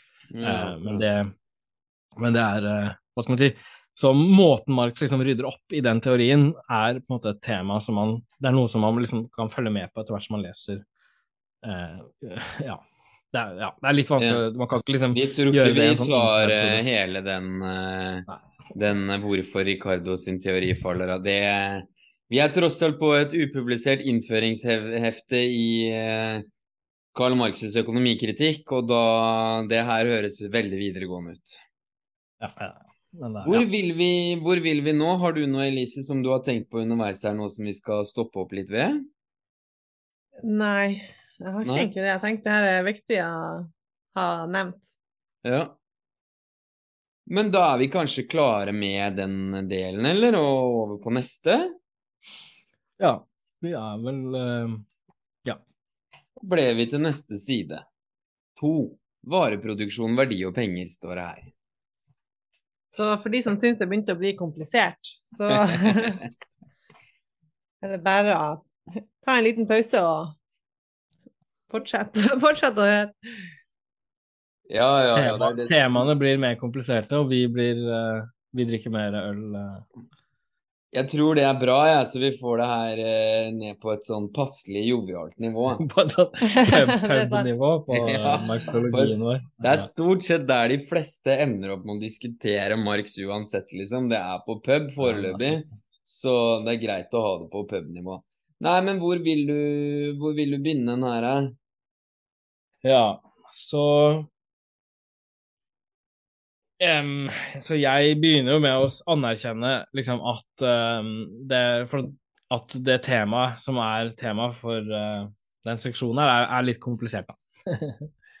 um, ved å sitere Marx som ja, Det ene er jo at uh, førsteutkastet til liksom så er, Her er Marx sin analyse av varer og penger, da, basically, og i Kapitalen. Og førsteutkastet til det kom ut Kapitalen kommer ut i 1867.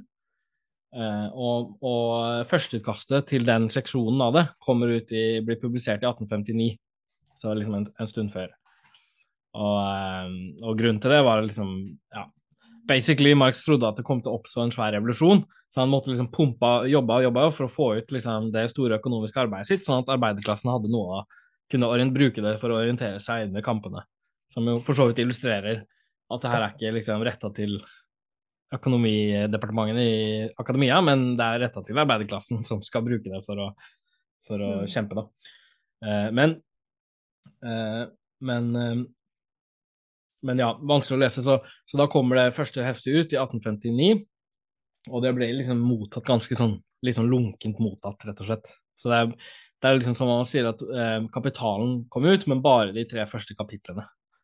Ingenting av det andre, liksom. Ikke, ikke noe av snadderet om kampen om arbeidsdagen og merverdi og ditt og datt, men bare liksom de eh, Tialen la rett mot en frakk og bare de liksom For det er jo masse sånn eh, liksom inngående analyser av hva verdi er, og hva varer er, og ditt og datt, og veldig mange har litt sånn Det kan være litt vanskelig å uh, vite hva man gjør med det der, egentlig. Ja, og, det er litt eh, kjedelig. Ja, ikke sant. Og snadder er jo selvfølgelig når du kommer inn i hva merverdi er, hva kapital er, og kapital hviler på ubetalt menneskelig arbeid fra arbeiderklassen, og det er det som liksom gjør at eh, rikdommen til kapitalistene øker, og du får liksom dynamikken i den tendensen her, og bla, bla. Det, da begynner det å liksom bli veldig artig, og, og, du får kampen om arbeidsdagen, og og du kan liksom lese sånn, sånn detaljerte historiske gjennomganger som er kjempeenkle å lese i og for seg, og som er liksom ekstremt sånn eh, heftige greier, da. Men det her er, de første kapitlene er liksom Det er litt verre med, ikke sant. Mange som Det er liksom Hva, hva er det man egentlig skal med det type, da. Så, mm. men, men, men, så eh, På en måte så, så, er det mange som eh, da blir frista til å liksom bla litt forbi og, bla, og lese det andre først, på en måte, mer eller mindre. Og jeg tror det er Jeg mener, mener jeg leste en gang at Engels anbefalte det til en venn, men det er i hvert fall alt du ser gjorde jo det i en sånn berømt greie, men, eh, og har blitt liksom korsfesta for det òg. Men det er jo ikke helt uforståelig, ikke sant. Så, så det er i og for seg Alt er jo greit så lenge man leser, og så kan man heller bla tilbake. Poenget er at det er veldig mye viktig der allikevel, så da må man jo heller bla tilbake, da. For at det er grunnlaget for alt det som kommer seinere, blir lagt her, da. Mm. Så du får ikke noe eh, snadder altså, uten eh, Hva skal man si Du må gjøre grovarbeidet først, da, egentlig, for å mm. skjønne hvor du, hvor du kommer fra. Um, så, det, så, det, er liksom rett og slett um, Det det da handler om, er å analysere varen. Og, og uh, som da Marx, som er det liksom Marx kaller den den enkleste bestanddelen av det samfunnet vi lever i, på en måte. Celleformen til det samfunnet vi lever i. Det er skrevet i margen. Vare som celleform. Ja. Det er vel kanskje noe som, eh, som er et bra sted å starte. Kan jeg bare, før vi starter, så jeg slipper å hope opp med sånne en bunke med ting å si helt til slutt. Jævlig bra, Lise. Bare sånn rett før vi går på varen, bare fordi det er et sitat i begynnelsen her. Jeg syns det er litt interessant. Og det bare, synes jeg er litt kult, for at kan, vi har snakka litt om sånn forenkling av politiske budskap, og man tenker at folk nesten liksom nesten fordummende eh, litteratur, og liksom det skal være så enkelt at det nesten ikke blir noe substans i det. Og det er jo litt kult, for Marx viser jo at han har stor tro på leseren. Dette er det her er vanskelig. All vitenskap er vanskelig. Eh, så det å forstå første kapittel, det vil by på de største vanskelighetene, sier han jo eksplisitt her. Eh, og at han eh, forutsetter at les lesere som vil lære noe nytt, at de vil også tenke sjøl. Altså, det er litt interessant, for at han setter jo tenker en tillit, tillitserklæring. Det er vanskelig, men jeg forutsetter at du er interessert og har lyst til å lære, så vær så god. Det blir vanskelig, men det kommer til å gå bra, på en måte. Og det er litt Det tenker jeg er en sånn betryggende òg. For det er ikke noe bare sånn her skal du bli hjernevaska hva som er rett og galt, men du får på en måte virkelig en inngående analyse, da. Og det er ikke lett. Men, men man må bare komme seg gjennom det, og så om man ikke har fått helt reisen på det med en gang, så gjør ikke det på en måte alt, for det, det kommer jo um, Jo mer du leser, så, så blir ting gjentatt og repetert, og ja, det er jo ikke så ille, liksom. Jeg syns jo de der navna i begynnelsen av Brødrene Karamazov eh, til Dostojevskij, jeg syns jo det er verre, liksom. Det er 80 sider med telefonkatalog. Altså, jeg syns jo det er verre enn de 80 første sidene hos Marx. For der stoppa jeg, liksom. Der gadd ikke jeg noe mer. Jeg visste at det skulle komme sånn hvis Gud er død, er alt lov, for det hadde jeg lært på filosofistudiet, så jeg tenkte ja, jeg får vel ha lest den jævla boka, da. Og så er det telefonkatalog med russiske navn i 80 sider. Det er sånn, det her gidder jeg ikke. Mens de første 80 sidene hos Marx, det er jo ikke Jeg er med på at det er tungt, og at du Sånn som jeg ser på det, er at du, du får noe ut av det første gangen du leser det og så får du noe mm. mer ut av det den andre gangen, ja. og så får du noe mer ut av det den tredje gangen. Så hvis man bare ikke henger seg opp i at man ikke skjønner alt den første gangen, men bare tar sånn ah, hmm, mm. Så blir det mm. du, får, du, fortsetter å få de jo flere ganger du leser det, men ja. jeg syns ikke det er det er ikke, det er ikke sånn at det, det, her er dårlig skrevet eller sånn. Når man leser det på nytt igjen, så tenker man det at jøss, det her er skikkelig gjennomarbeida, godt skrevet. Ja. At det virker sånn, sånn som folk flest gjør, liksom. At de bruker mer tid på starten enn de gjør på slutten når de bare skal få Nå må vi få dette greiene her ut, da. Så tenker man at han har den begynnelsen her er gjennomarbeida opp og ned og i mente, så selv om det er Ja, ja du skjønner hva jeg mener. Mm. Ja, det er jo Og hvis du ler Altså det her er jo en klassiker, liksom. Så hvis vi sammenligner kapitalen med andre typer klassikere i sånn filosofi, idéhistorie generelt, og økonomi, økonomisk teori òg, ikke sant. Altså, Marx er leselig som bare det, altså. Mm. Det er så leselig, ikke sant. Men det er jo også det at det ikke, du har ikke uendelig frihet. Du kan ikke Noen ting er jo vanskelig òg. Ja, ja. Liksom kompleksiteten det er Aristoteles har en greie med det, at liksom, kompleksiteten til en framstilling er jo betinga av hva du framstiller. Mm. Eh, så det er ikke noe du kan velge liksom helt fritt. Og er litt, der er det litt sånn en liksom, hva skal man si, populistisk tendens, og at eh, når man snakker om sånn herre Altså når man skal prøve å Når man snakker om teori i liksom type sosialistisk sammenheng da, blant sosialister, type, da, så er det veldig sånn ønske ja, det her må, ting må bli lett, ikke sant, og det selvfølgelig er det et mål, altså det skal jo bli, være så enkelt forståelig som mulig, men, men på en måte hvis, hvis, hvis hvis, hvis det at det er lett er en, et mål i seg selv, så blir det jo helt feil. For da, jo, da, da, blir jo det du sier, først og fremst som skal være lett, og deretter så skal det være rett. Ikke sant? Så da blir du liksom manipulert av det du leser. Du kan faen ikke stole på det, liksom. Mm. Først og fremst så må det jo være rett, og så må du prøve å popularisere det så bra som mulig for oss. Og, og, og noen ting er det liksom grenser for hvor hvor, hvor, enkelt det går an å gjøre det. Mm. Men, og det er jo og det at Marx liksom anerkjenner de grensene, og ikke liksom tenker at ok, da bare setter vi strek her, og så, dyrt, dyrt, dyrt, og så liksom sånn. Altså, det, det, så mener, sånn, det er på en måte Det er jo cred til Det er jo en seriøsitet i det, at du anerkjenner på en måte grensene for populariseringa òg, hvor lett det kan bli. Mm. Og ikke bare sånn For der er det liksom en det må være, man må ha liksom en respekt for det. Hvis ikke så er det sånn det å lese Marx blir helt sånn håpløst. da. Uh, hvis du tenker bare at liksom Ja. Jeg er med på det, men hvis du ser sånn som strengteori, altså det her er jo helt på sida.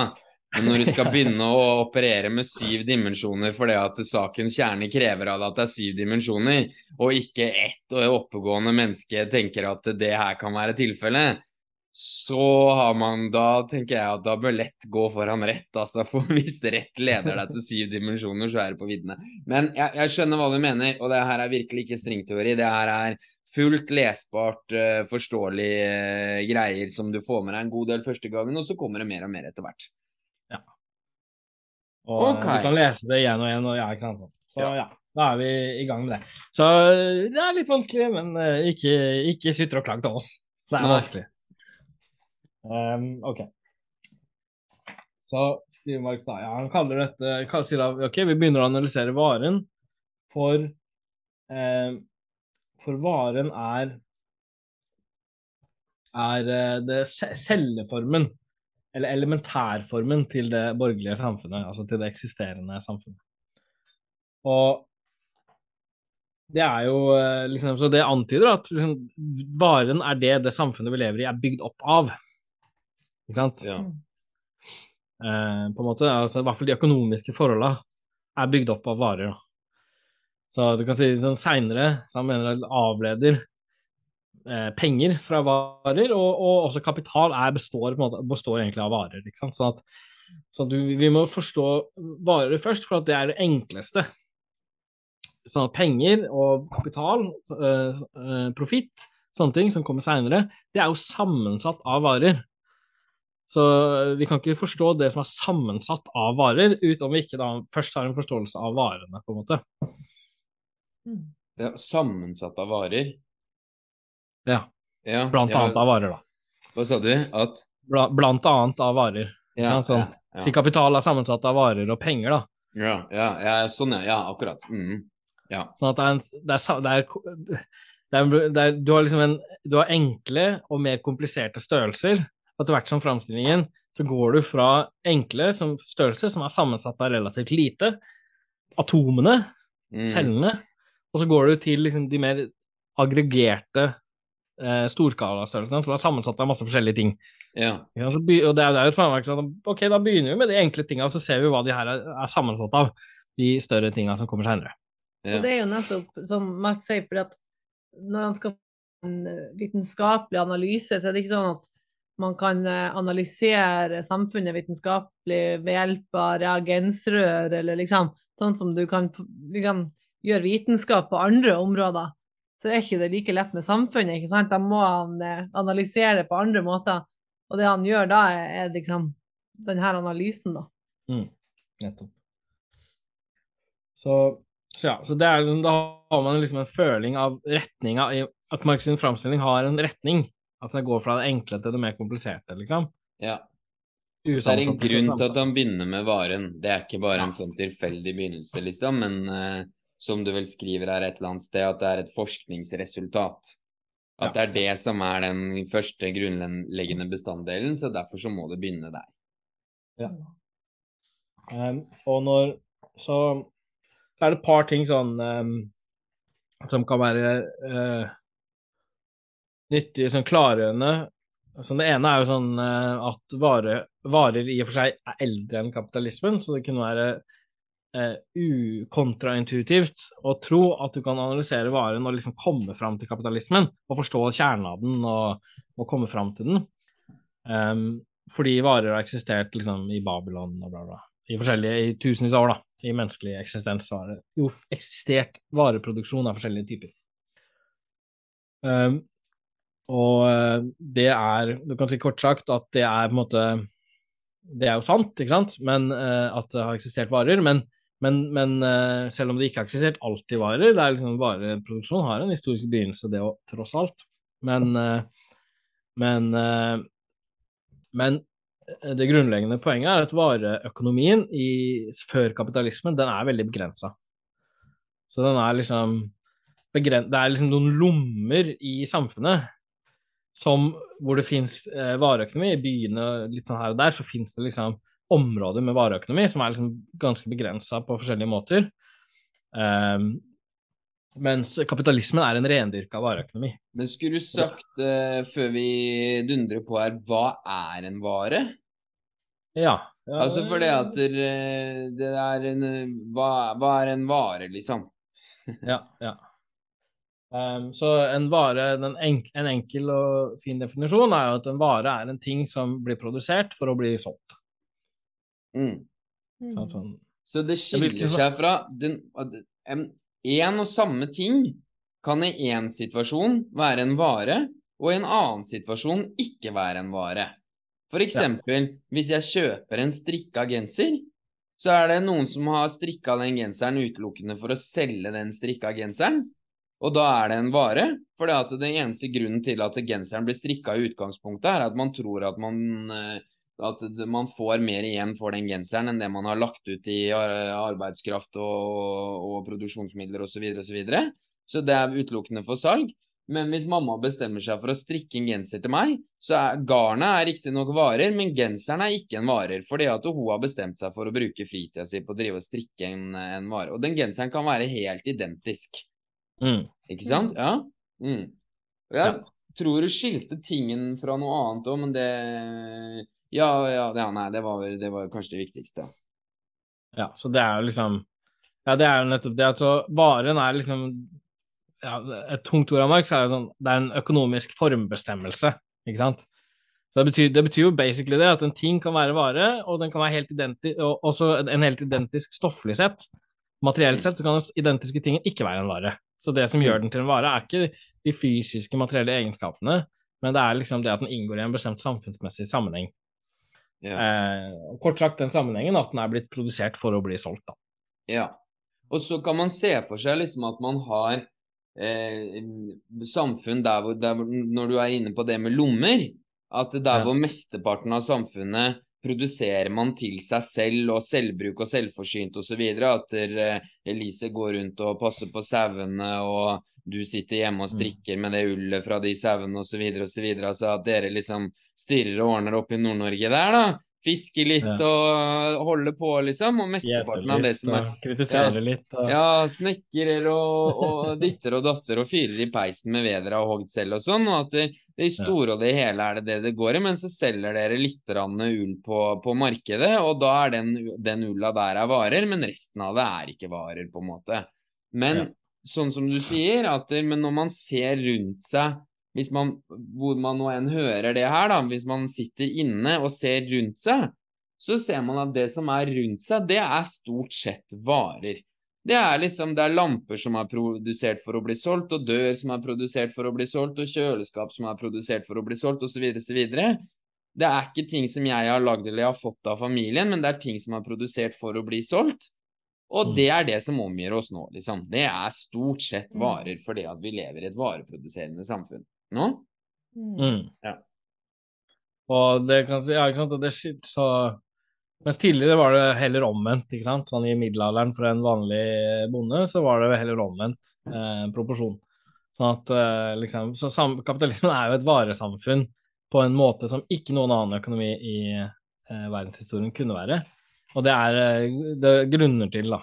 Um, ja. Du kan si kort sagt så du, um, uh, Man kan vel introdusere det litt, men det er jo sånn Når arbeidskraften blir vare, når du får arbeidslønn, og jobber, eh, så må jo økonomien kommersialiseres. Da må du få vareøkonomien, egentlig. Masseproduksjon av varer. For at hvis du jobber liksom tolv timer, ti timer på en bedrift for å produsere ting som ikke du selv ender opp med å eie, men som den eieren av den bedriften ender opp med å eie, og det du da får tilbake, er en pengelønn, så må jo du kunne kjøpe alle livsnødvendigheter som varer på markedet. Istedenfor å surre rundt med de sauene og fiske og Ikke sant. Du kan ikke da gå etterpå, uh, gjete og uh, plukke og ditt og datt. Så liksom Så den liksom Det at allmenngjøringa av vareproduksjonen og markedsforholda, den kommer liksom veldig med, med, med lønnsarbeidet. Og lønnsarbeidet som en sånn dominerende samfunnsforhold er jo unikt for eh, kapitalismen, det òg, da. Og i sånn forlengelsen av at Eh, en, hva en vare er, at det er noe som er produsert med sikte på å bli solgt på et marked. Nettopp det at det produseres for å bli solgt, eh, er jo på en måte nøkkelen til hva en vare består av, hva den må bestå av. For nettopp for at den skal selges, så må den ha en bruksverdi. Den må være nyttig for den personen som skal kjøpe den. For du orker jo ikke å ha noe som ikke kan brukes til noe som helst. Eh, og det er jo litt sånn Går man litt inn i definisjonen av en vare eh, på den andre sida, skal jeg si, at det må bestå av en bruksverdi for den som skal kjøpe. Mm. Mm. Så der er vel også en sånn der eh, regel at en vare må ha en bruksverdi, men en bruksverdi må ikke være en vare. Mm. Ja. Nettopp. Og en bruksverdi nå, Bruksverdi har jo det ut, ordet verdi i seg, som er litt beklagelig.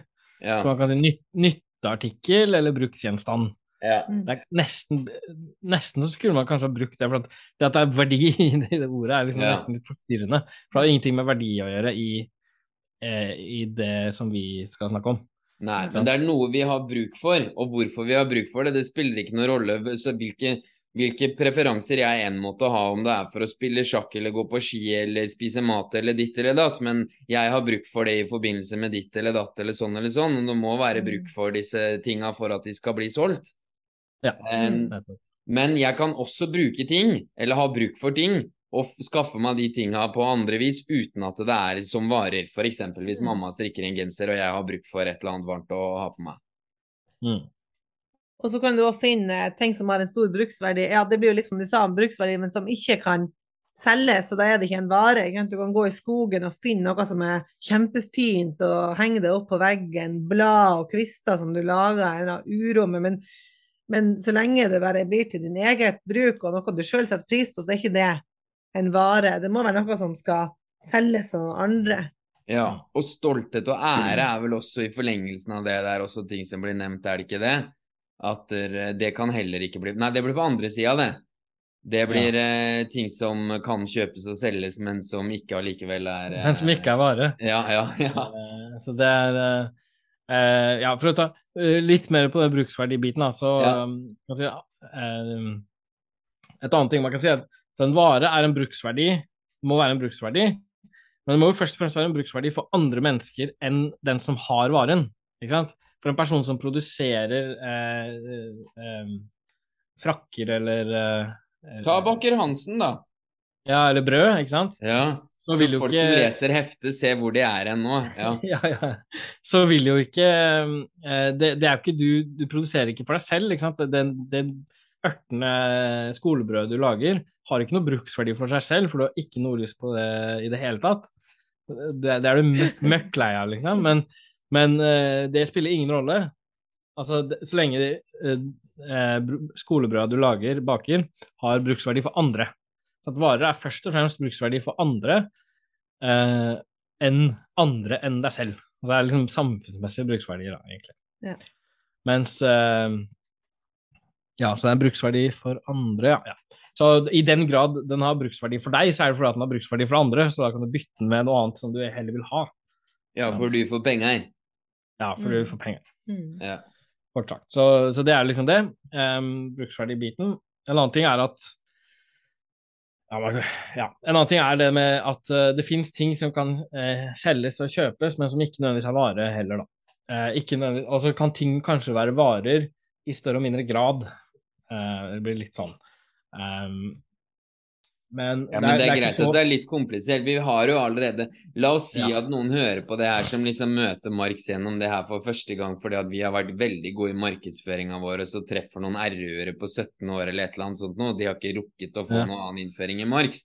Så har vi jo på en måte allerede fått fram nå at ok, arbeidsverdi, det er et begrep vi må ha litt koll på, liksom og vi har vare, og vi har bruksverdi. Det er sentrale marxistiske termer ja, vi, som eh, Vi står inne for den formidlinga så langt. Ja. ja, ikke sant. Det er, eh, det er viktige ting. Og så kan alle de begrepene ja, med, ja, De kan kompliseres mer og nyanseres og ditt og datt, men at det er viktige begreper, og at vi har definert dem sånn halvveis nå, det er vi på en måte Så langt har vi kommet. Ja.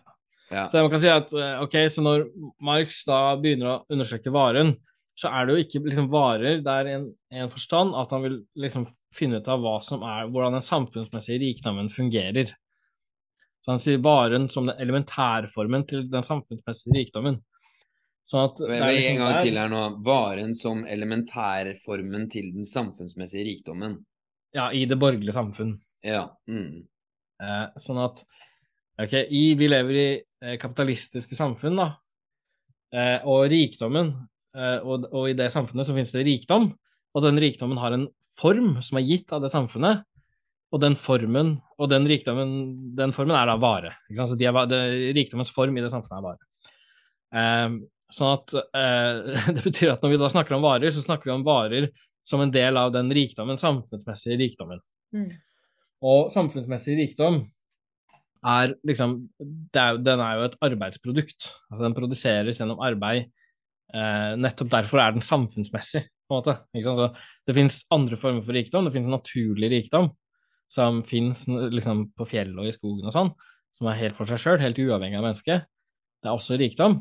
Men samfunnsmessig rikdom, altså rikdom som sirkulerer og konsumeres av et samfunn, den må jo da gjennom arbeidet for å bli det. Det har jeg lært av Jørgen Sandemose i de forelesningene på YouTube. Ja. At det er én kilde til verdi, men det er to kilder til rikdom. Jeg til og med sendte inn en e-post til Heisforeninga, fordi at i nekrologen over Sandemose så har de skrevet feil. At det er to kilder til verdi. Det er natur og, og, og, og arbeid. Altså, verdi? Jeg tror ikke det. Her må dere gå til 4028 i første forelesning av Sandemose. For der sier han ganske tydelig at rikdommen har to kilder. Det er natur og arbeid. Men verdi, det er bare arbeid. Ja. En, ja. Ja. Og uh, han gjør til og med Ja. ja. Eh, det er noe sånn. Uh, Vi må kunne reklamere for den, da, for det er jo for tross alt en ganske fin Hvis man kommer seg forbi første episode, vel å merke, der er surren uh, med mye greier, men ja. Ja, ja, ja, ja altså Ja, absolutt. Sandemose hadde peiling da. Men jo, bare for å fullføre det poenget, så skal du mm. snakke, liksom. Men Eh, at, det var, at varen det har med samfunnsmessig, arbeid, ri, eh, samfunnsmessig rikdom å gjøre, og dermed så er det et produkt av arbeid. Så det er liksom den type varer vi ser på. Så det, det, er bare for å forsvare hvorfor vi Så når vi snakker om varer, så snakker vi liksom om varer som er altså ting som produseres gjennom samfunnsmessig arbeid. Um, og derfor så snakker vi Derfor handler det ikke først, i første omgang om liksom, ja, samvittighet og ære. Uh, ubearbeida jord. Det er ting som kan selges og kjøpes. Derivater, ikke sant eh, lån, penger, kan jo selges og kjøpes for penger på eh, kredittmarkedet og, sånt, og så videre. Sånn. Så at mm. veldig mye rart som kan selges og kjøpes for penger. Sånn at, eh, sånn at um, Men det vi, det vi, bygger teorien på, For det vil føre, Hvis vi inkluderer alt det, så vil vi få total kaos, egentlig.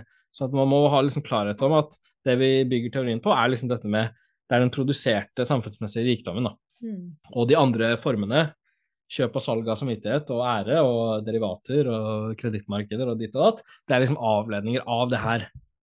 Det er, ikke, det er ikke fullgode medlemmer av den opprinnelige kategorien varer, det er avleda varer. Sekundære eh, kopier av det, liksom, som oppstår av det, men som ikke er det samme. Um, og det betyr også, eh, for å ta en sånn eh, skal jeg Elise, du hadde da, et poeng. Elise, så tar vi en tissepause, ja, jeg. Nei, jeg skulle bare være sånn oppsummerende enkelt og greit, så vi har diskutert masse frem Ja. og tilbake.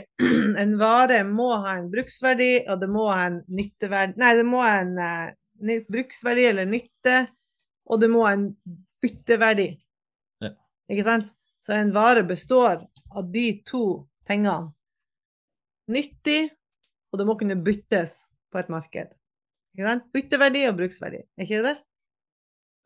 Så bytte, bytteverdi har vi ikke sagt så mye om, da, men Nei, og det skal vi snart Men- begynne men med da har vi på en måte sagt at. Når det skal kjøpes og selge, altså når det skal selge en vare, Ja, ja. så må det jo kunne byttes. Det må kunne byttes, det er et vilkår. Bare mener at det var de to, men jeg skjønner at vi ikke har helt kommet dit. Vi skal Ja. si mer om det. Men kan vi ta en kort pause nå? Ja. Ja, ja, fint. men, Hvor Ja, akutt ja, er det, Morten? Jeg Hva bare fullfører siste ja, poenget. ja, nei, jeg fullfører. Ja, det er ikke så hast. Eh, Men altså, Ja. du snakka fort og lenge i dag, så eh, jeg tenkte det Ja, var best å gripe muligheten. Gripe Ja, det det. muligheten. Det var bare siste, apropos det med Jeg hadde bruksverdi, samfunnsmessig arbeid, varegreiene. Rikdom Altså, det var et resonnement der. Ja. Fullføre det.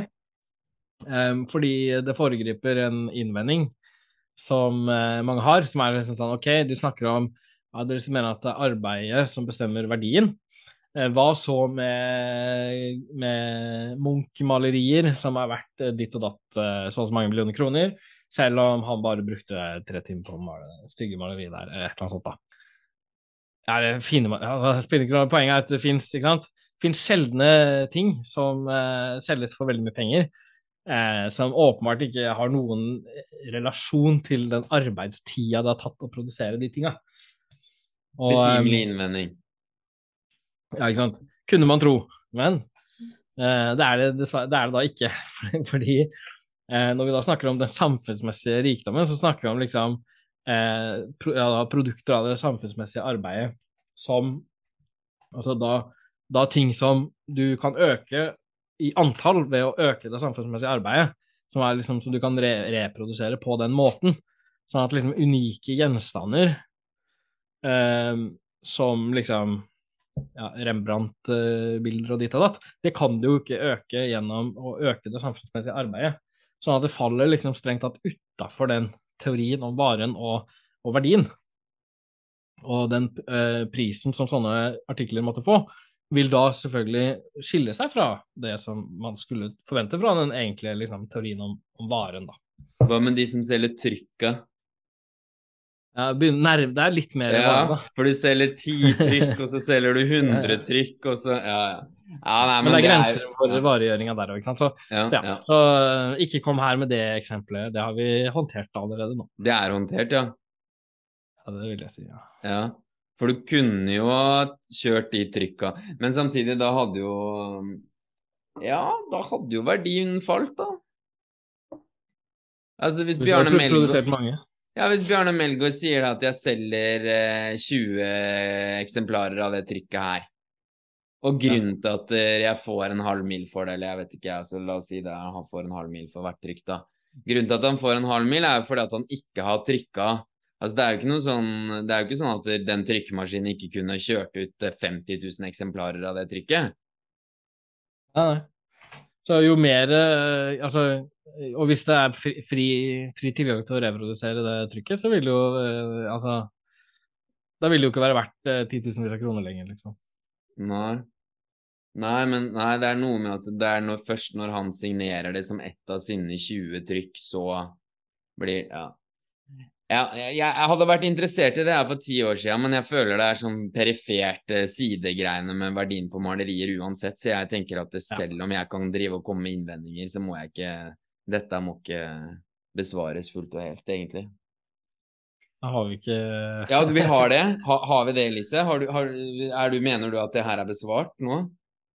Ja, jeg må øh, Kan Ja, altså ja. På det nivået vi er på nå, så ja. Altså, det er klart Absolutt. at pris eh, Det at prisvariasjoner, ikke sant At pris kan variere på ulike måter fra den verdibestemmelsen som er gitt av arbeidet, Mm. eh, det er klart. Og det har vi enda ikke løst opp i, for det er masse forskjellige årsaker yeah. eh, eh, som blant annet har å gjøre med hvorfor Ricardo sin teori brøt sammen, eh, faktisk, da. Så det er ikke eh, et, eh, det er ikke et, liksom, et enkelt, enkelt ting å håndtere, for, hele, for den klassiske skolen brøt sammen over det programmet. For å si det sånn. ja. Men, ja nei, eh, men det hørtes ut som en ringeklokke til en tissepause, akkurat det du sa der, tror jeg. ja, ja. ja. Gjorde ikke det? Ja. Jo. Ja. Nei, men da er vi tilbake igjen, og da har vi bestemt oss for å kutte litt eh, ned på episoden her, så det blir flere episoder om det upubliserte heftet om eh, innføring i Karl Marx' eh, økonomikritikk. Eh, For eh, det trekker jo ut her. Men eh, hvor var det vi var nå, og hvor skal vi videre hen, eh, Oskar? Ja, så vi var eh, Så vi sa at varen er en ting som har en bruksverdi, og så sa vi litt om hva, det, hva som er greia med den bruksverdien, på en måte. Og så eh, går vi, vi nå videre til å si at varen ikke, er, ikke bare har en bruksverdi, men den har også en bytteverdi. Altså at den eh, den kan byttes mot andre varer i bestemte proporsjoner. En skolebolle kan byttes mot en datamaskin, bare du har nok skoleboller. Og Ja. i prinsippet, da. Du må ha ganske mange skoleboller, så kanskje litt sånn eh, kanskje kan Jeg skjønner hva du mener. det kan være nyttig med penger som et formidlende moment der, for, å, for at du kanskje ikke finner en mottaker som er, er glad nok i skoleboller. Men, eh, men poenget er at eh, varer kan byttes mot hverandre. Og, eller du kan i hvert fall si Det spiller ikke noen rolle om du finner noen mottakere av skolebollene, for så vidt. Du kan si at eh, eh, en datamaskin kan fortsatt være verdt 1000 skoleboller. Ikke sant? Mm. Uansett om eh, du finner noen som er villig til å ta imot eh, de 1000 eh, skolebollene. Det er i og for seg ikke relevant ennå. Men, men verdien til en, til en skolebolle kan uttrykkes i datamaskiner og omvendt. da. Så at varen har en Den har ikke bare en bruksverdi, men den har en bytteverdi, som er den egenskapen at den kan byttes mot andre ting. Eh, I prinsippet alle mulige andre varer, bare du stiller dem i riktige proporsjoner. Ja. Og så hva er Ja, så vi, vi så litt på bruksverdien, så må vi da se litt videre på den eh, bytteverdien, da. Hva som hva som er greia for det, med, med det. Og, og det at så, eh, så det at du kan bytte varer i forskjellige med alle varer med hverandre, bare proporsjonene er riktige, impliserer jo at de har noe til felles, disse varene. Så at, som gjør at de kan måle seg på en skala, liksom. Eh, så må, det være noe, må de ha noe til felles som gjør det mulig. Mm.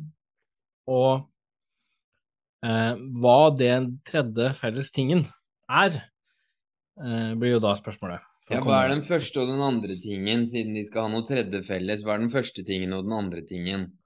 Den første tingen er skolebolle, og den andre tingen er, er datamaskin. Er skolebollens skolebollehet, da, eller? Er bare første tingen bare Altså skolebolle? sk- skole, varen skolebolle og Ja. varen eh, datamaskin. Ja. Og de to varene, ikke sant, skolebolla uttrykkes, sier jeg er verdt eh, 1000 Nei, jeg er verdt eh, 1000 av meg er verdt én datamaskin. Og, og omvendt, og så videre kan man uttrykke liksom sånn forskjellige sånne type eh, uttrykk, da, bytteverdiuttrykk. Ikke sant? Eh, En skolebolle har vært eh, så og så mange tonn jern og dit og datt. Hva er det? Så du, du får masse sånne forskjellige uttrykk eh, hvor, hvor du har bytteverdier som liksom varer som byttes i bestemte proporsjoner, eller uttrykkes en verdi i bestemte proporsjoner til hverandre. Og det Så de, de to tinga, da, altså på hvert, i hvert uttrykk så finnes det to varer.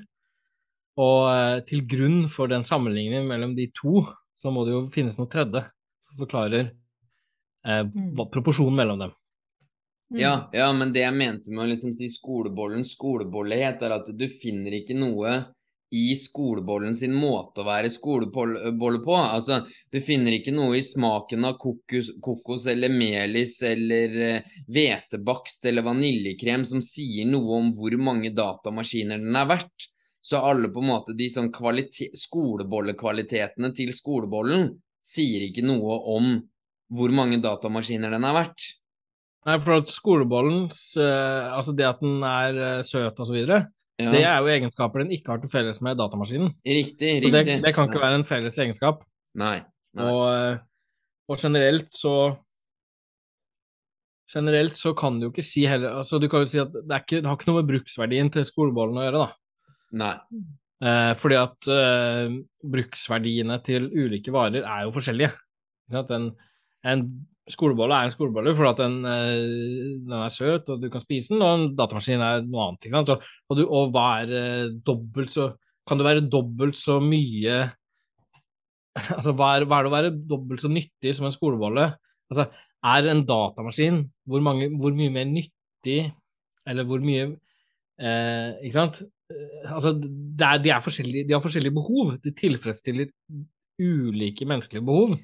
Og som sådan kan det ikke, er ikke liksom kvantitativt sammenlignbare. Ja, så man avviser på en måte at OK, de her to i så og så mange antall kan byttes mot hverandre, men det kan ikke ha med bruksverdien å gjøre. For det, de har to formål som er helt forskjellige. Det har ingenting med hverandre å gjøre nytten du får ut av det. Det må være noe annet som gjør at de her to kan allikevel byttes med hverandre. Hva er det? Ja, så hvis du sier en, skole, en, datamaskin byttes mot 1000 skoleboller, så kan ikke årsaken være at da, eh, skolebollen er eh, Datamaskinen er 1000 ganger så nyttig som skolebollen, for at eh, skolebollen er jo nyttig til noe annet enn datamaskinen. Datamaskinen er nyttig når det gjelder å skrive eh, og eh, se på TV, mens skolebollen er jo nyttig å spise, og der er jo datamaskinen ingen nytte. Så de tilfredsstiller distinkte behov, og som sådan er de ikke sammenlignbare. Så for et romvesen som kommer til jorda, og som ikke ser noen prislapper på de objektene her, og som bare studerer den ene tingen og den andre tingen, og som ikke går bak og ser på hvordan de produser, blir produsert og hva som skal produseres med dem, men bare ser på bruksverdiene eller kvalitetene ved dem, så er det helt umulig for dem å kunne finne fram til det forholdstallet at det er én eh, skolebolle, nei, 1000 skoleboller er verdt én datamaskin. Fordi at Hvis du bare det, ser på de materielle ja, egenskapene. Ja, tinga. Det er ikke noe, det, er ikke noe, det sier ikke noe om forholdet. Da, mm. Men det at vi så enkelt kan sette opp det forholdet der hvor ja, den her er verdt så mange av den, og den her er verdt så mange av den, at det kan vi liksom lære oss fra vi er syv år gamle. Det sier jo mm. noe om at det, den tredje egenskapen som vi er ute etter, eller den tredje tingen, det må jo faktisk være noe. For vi, vi, skjønner jo det her eh, Det her er jo noe vi lærer oss fra vi er veldig små. Ja. Så da er eh, altså resonnementet til Marx er at ok, hvis vi da ser bort fra alle de materielle egenskapene, de bruksverdiegenskapene som varene har, eh, det er ikke en mulig kandidat når det gjelder eh, det som gjør dem så er det eneste vi står igjen med, er at de er arbeidsprodukter. Og som krystaller av denne samfunnsmessige substans de har felles, er de verdier. Vareverdier. Så det som gjør dem sammenlignbare, er at de alle er produkter av menneskelig arbeid. Så det er vareverdier? Ja.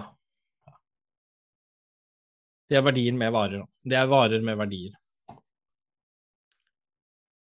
Som sådan. ikke sant? Så I kraft av at de har verdier, så, så er de produkter av menneskelig arbeid. Det er liksom det eneste tredje tingen som, som man står tilbake med mm.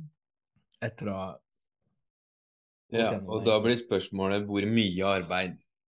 Hvor mye arbeid, ikke sant. Og, så det eneste da målet er at uh, eneste du kan måle arbeid på, er tid. Så mm. Så mengden arbeid, det er uh, tidsmengden arbeid. Målt av uh, Hva skal man si uh, Ja, klokketid, da. Det må liksom være Det, er, det vil være så hvis Så det som det varene har til felles som verdier, det er at de er produkter av arbeid. Det er liksom det de har til felles. og det som måler størrelsen på det de har til felles, verdien, det er jo da arbeidstida. Mm. Og um, ja.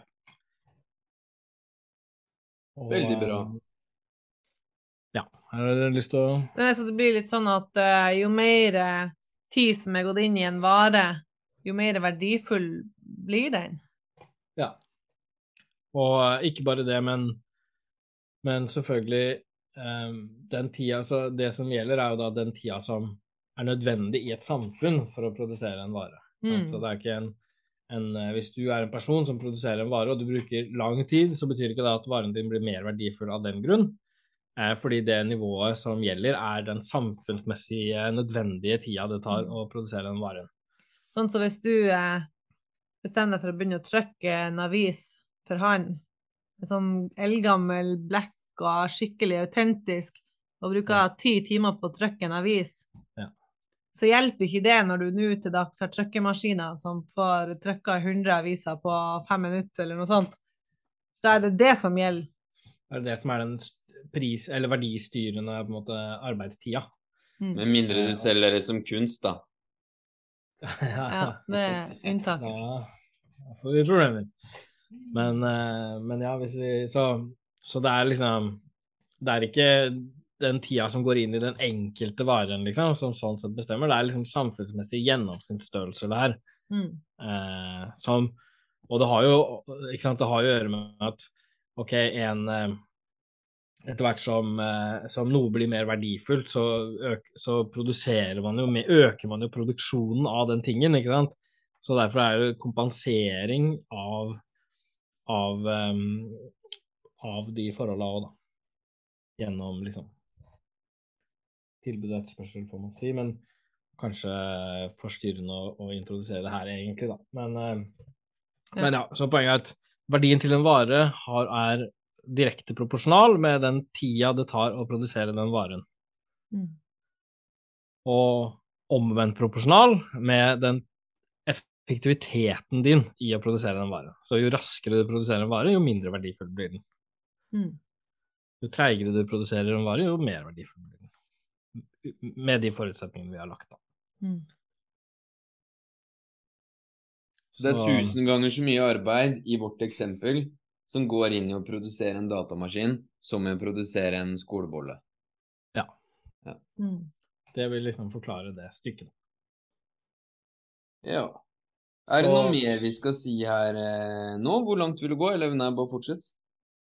Ja, siste, siste element der da blir at ok, så som eh, bruksverdi så ser vi på varen som et produkt av en nyttig type arbeid. Eh, bollen er et produkt av, eh, av bakearbeid, men som en verdi så ser vi den bare som et produkt av arbeid, rett og slett. Arbeid overhodet, menneskelig arbeid overhodet. Så det er liksom det. Så vi får skille mellom varen har to aspekter. Den er en verdi, den er en bruksverdi, og eh, den har sin rot i arbeidet. Og arbeidet har to aspekter. Arbeidet er på den ene sida, så kan vi si at arbeidet er arbeid, rett og slett. Eh, et menneske som jobber, setter i sving sin evne til å jobbe, uansett hva han gjør, eller hva hun gjør. Men, men når man jobber, så gjør man alltid noe spesifikt. Så man baker, eller man eh, lodder elektriske kretser, eller hva man gjør. Sånn at arbeidet er liksom alltid konkret, og det er abstrakt. Det er arbeid over hodet og en bestemt type arbeid. Så det som skaper bruksverdien til en vare, er, eh, er det konkrete arbeidet. At du lodder de kretsene? Du lodder kretser, og dermed så skaper du en eh, datamaskin som kan fungere og vise YouTube-filmer og finne ting. Og men det som gir den verdi, er ikke det, men det er det at den er et produkt av arbeid over hodet. Så gir den verdi, det er det samme som gir den bytteverdi. Ja, altså bytteverdien var da Kom på en måte fram til at bytteverdien var, ja, den var et uttrykk for verdien. Ja. Så, så verdien er det som ligger til grunn for bytteverdien. Og det som igjen da skaper verdien, er eh, menneske som Eller menneskelig arbeid som, eh, som arbeid, rett og slett. da. Likt menneskelig arbeid. Det man skal kalle abstrakt menneskelig arbeid. ja.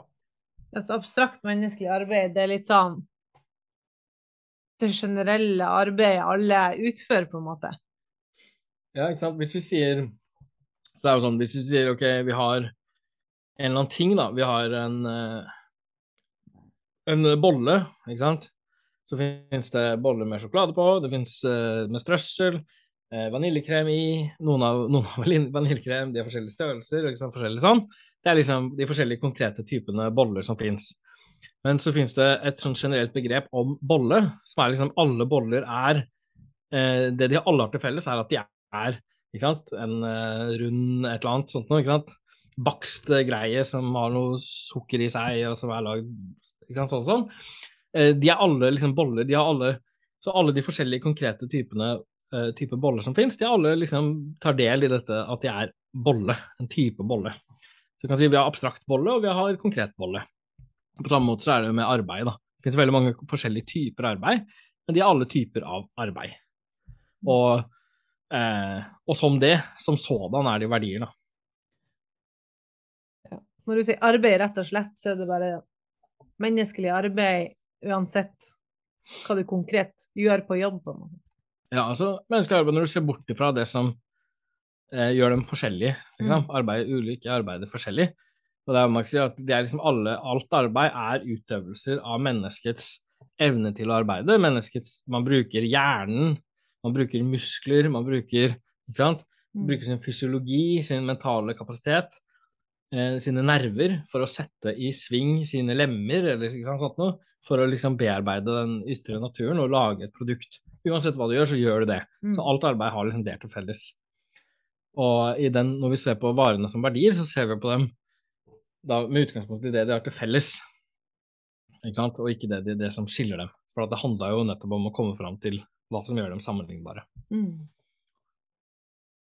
Så det er på en måte OK, de grunnleggende eh, bestemmelsen av hva, eh, hva, som gir, hva, som er en vare, og hva som gir den verdi og, og bruksverdi. Mm. Vi er ved veis ende der, kanskje, eller? Ja, jeg tror det vi, vi har kommet fram til, det, at vi, det, det, har vart lenge nok. Mm. Sånn at det er en del ting som gjenstår fra kapitlet og fra både vårt og Marx, men uh, Kan det være greit å bare skyte inn skulle kanskje egentlig ha sagt det helt på begynnelsen, men bare tenkte det kunne vært greit å bare sagt at, at Marx sin analyse han har jo, du, du, sa jo kanskje litt om hans teknikk, men han, han starta jo på en måte Hva heter det? Sånn deduktiv metode. At han liksom bare ser på varene isolert.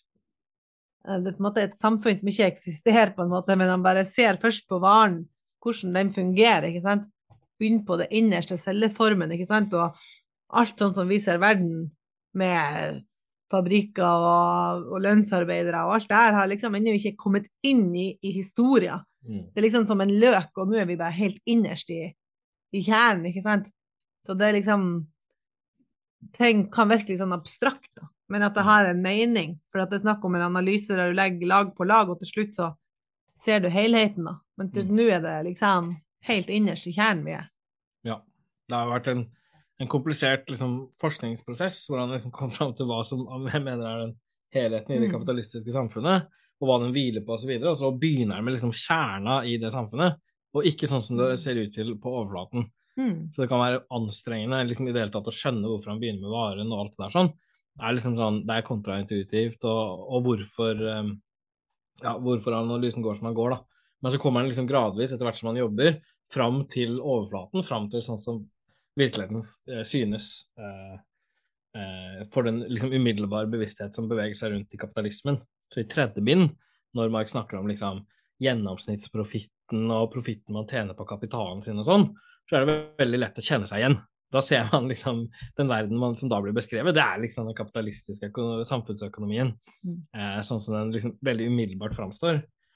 Mm. Eh, så det er, det er, på en måte det lette, men det vanskelige er å skjønne hvor, hvordan det er forankra i ja, disse egenskapene til varen. Da. Mm.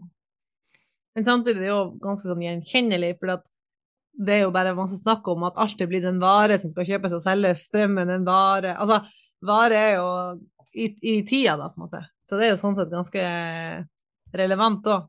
Varen, det er noe med varen, ikke sant? Alt skal bli varer. Det er noe der.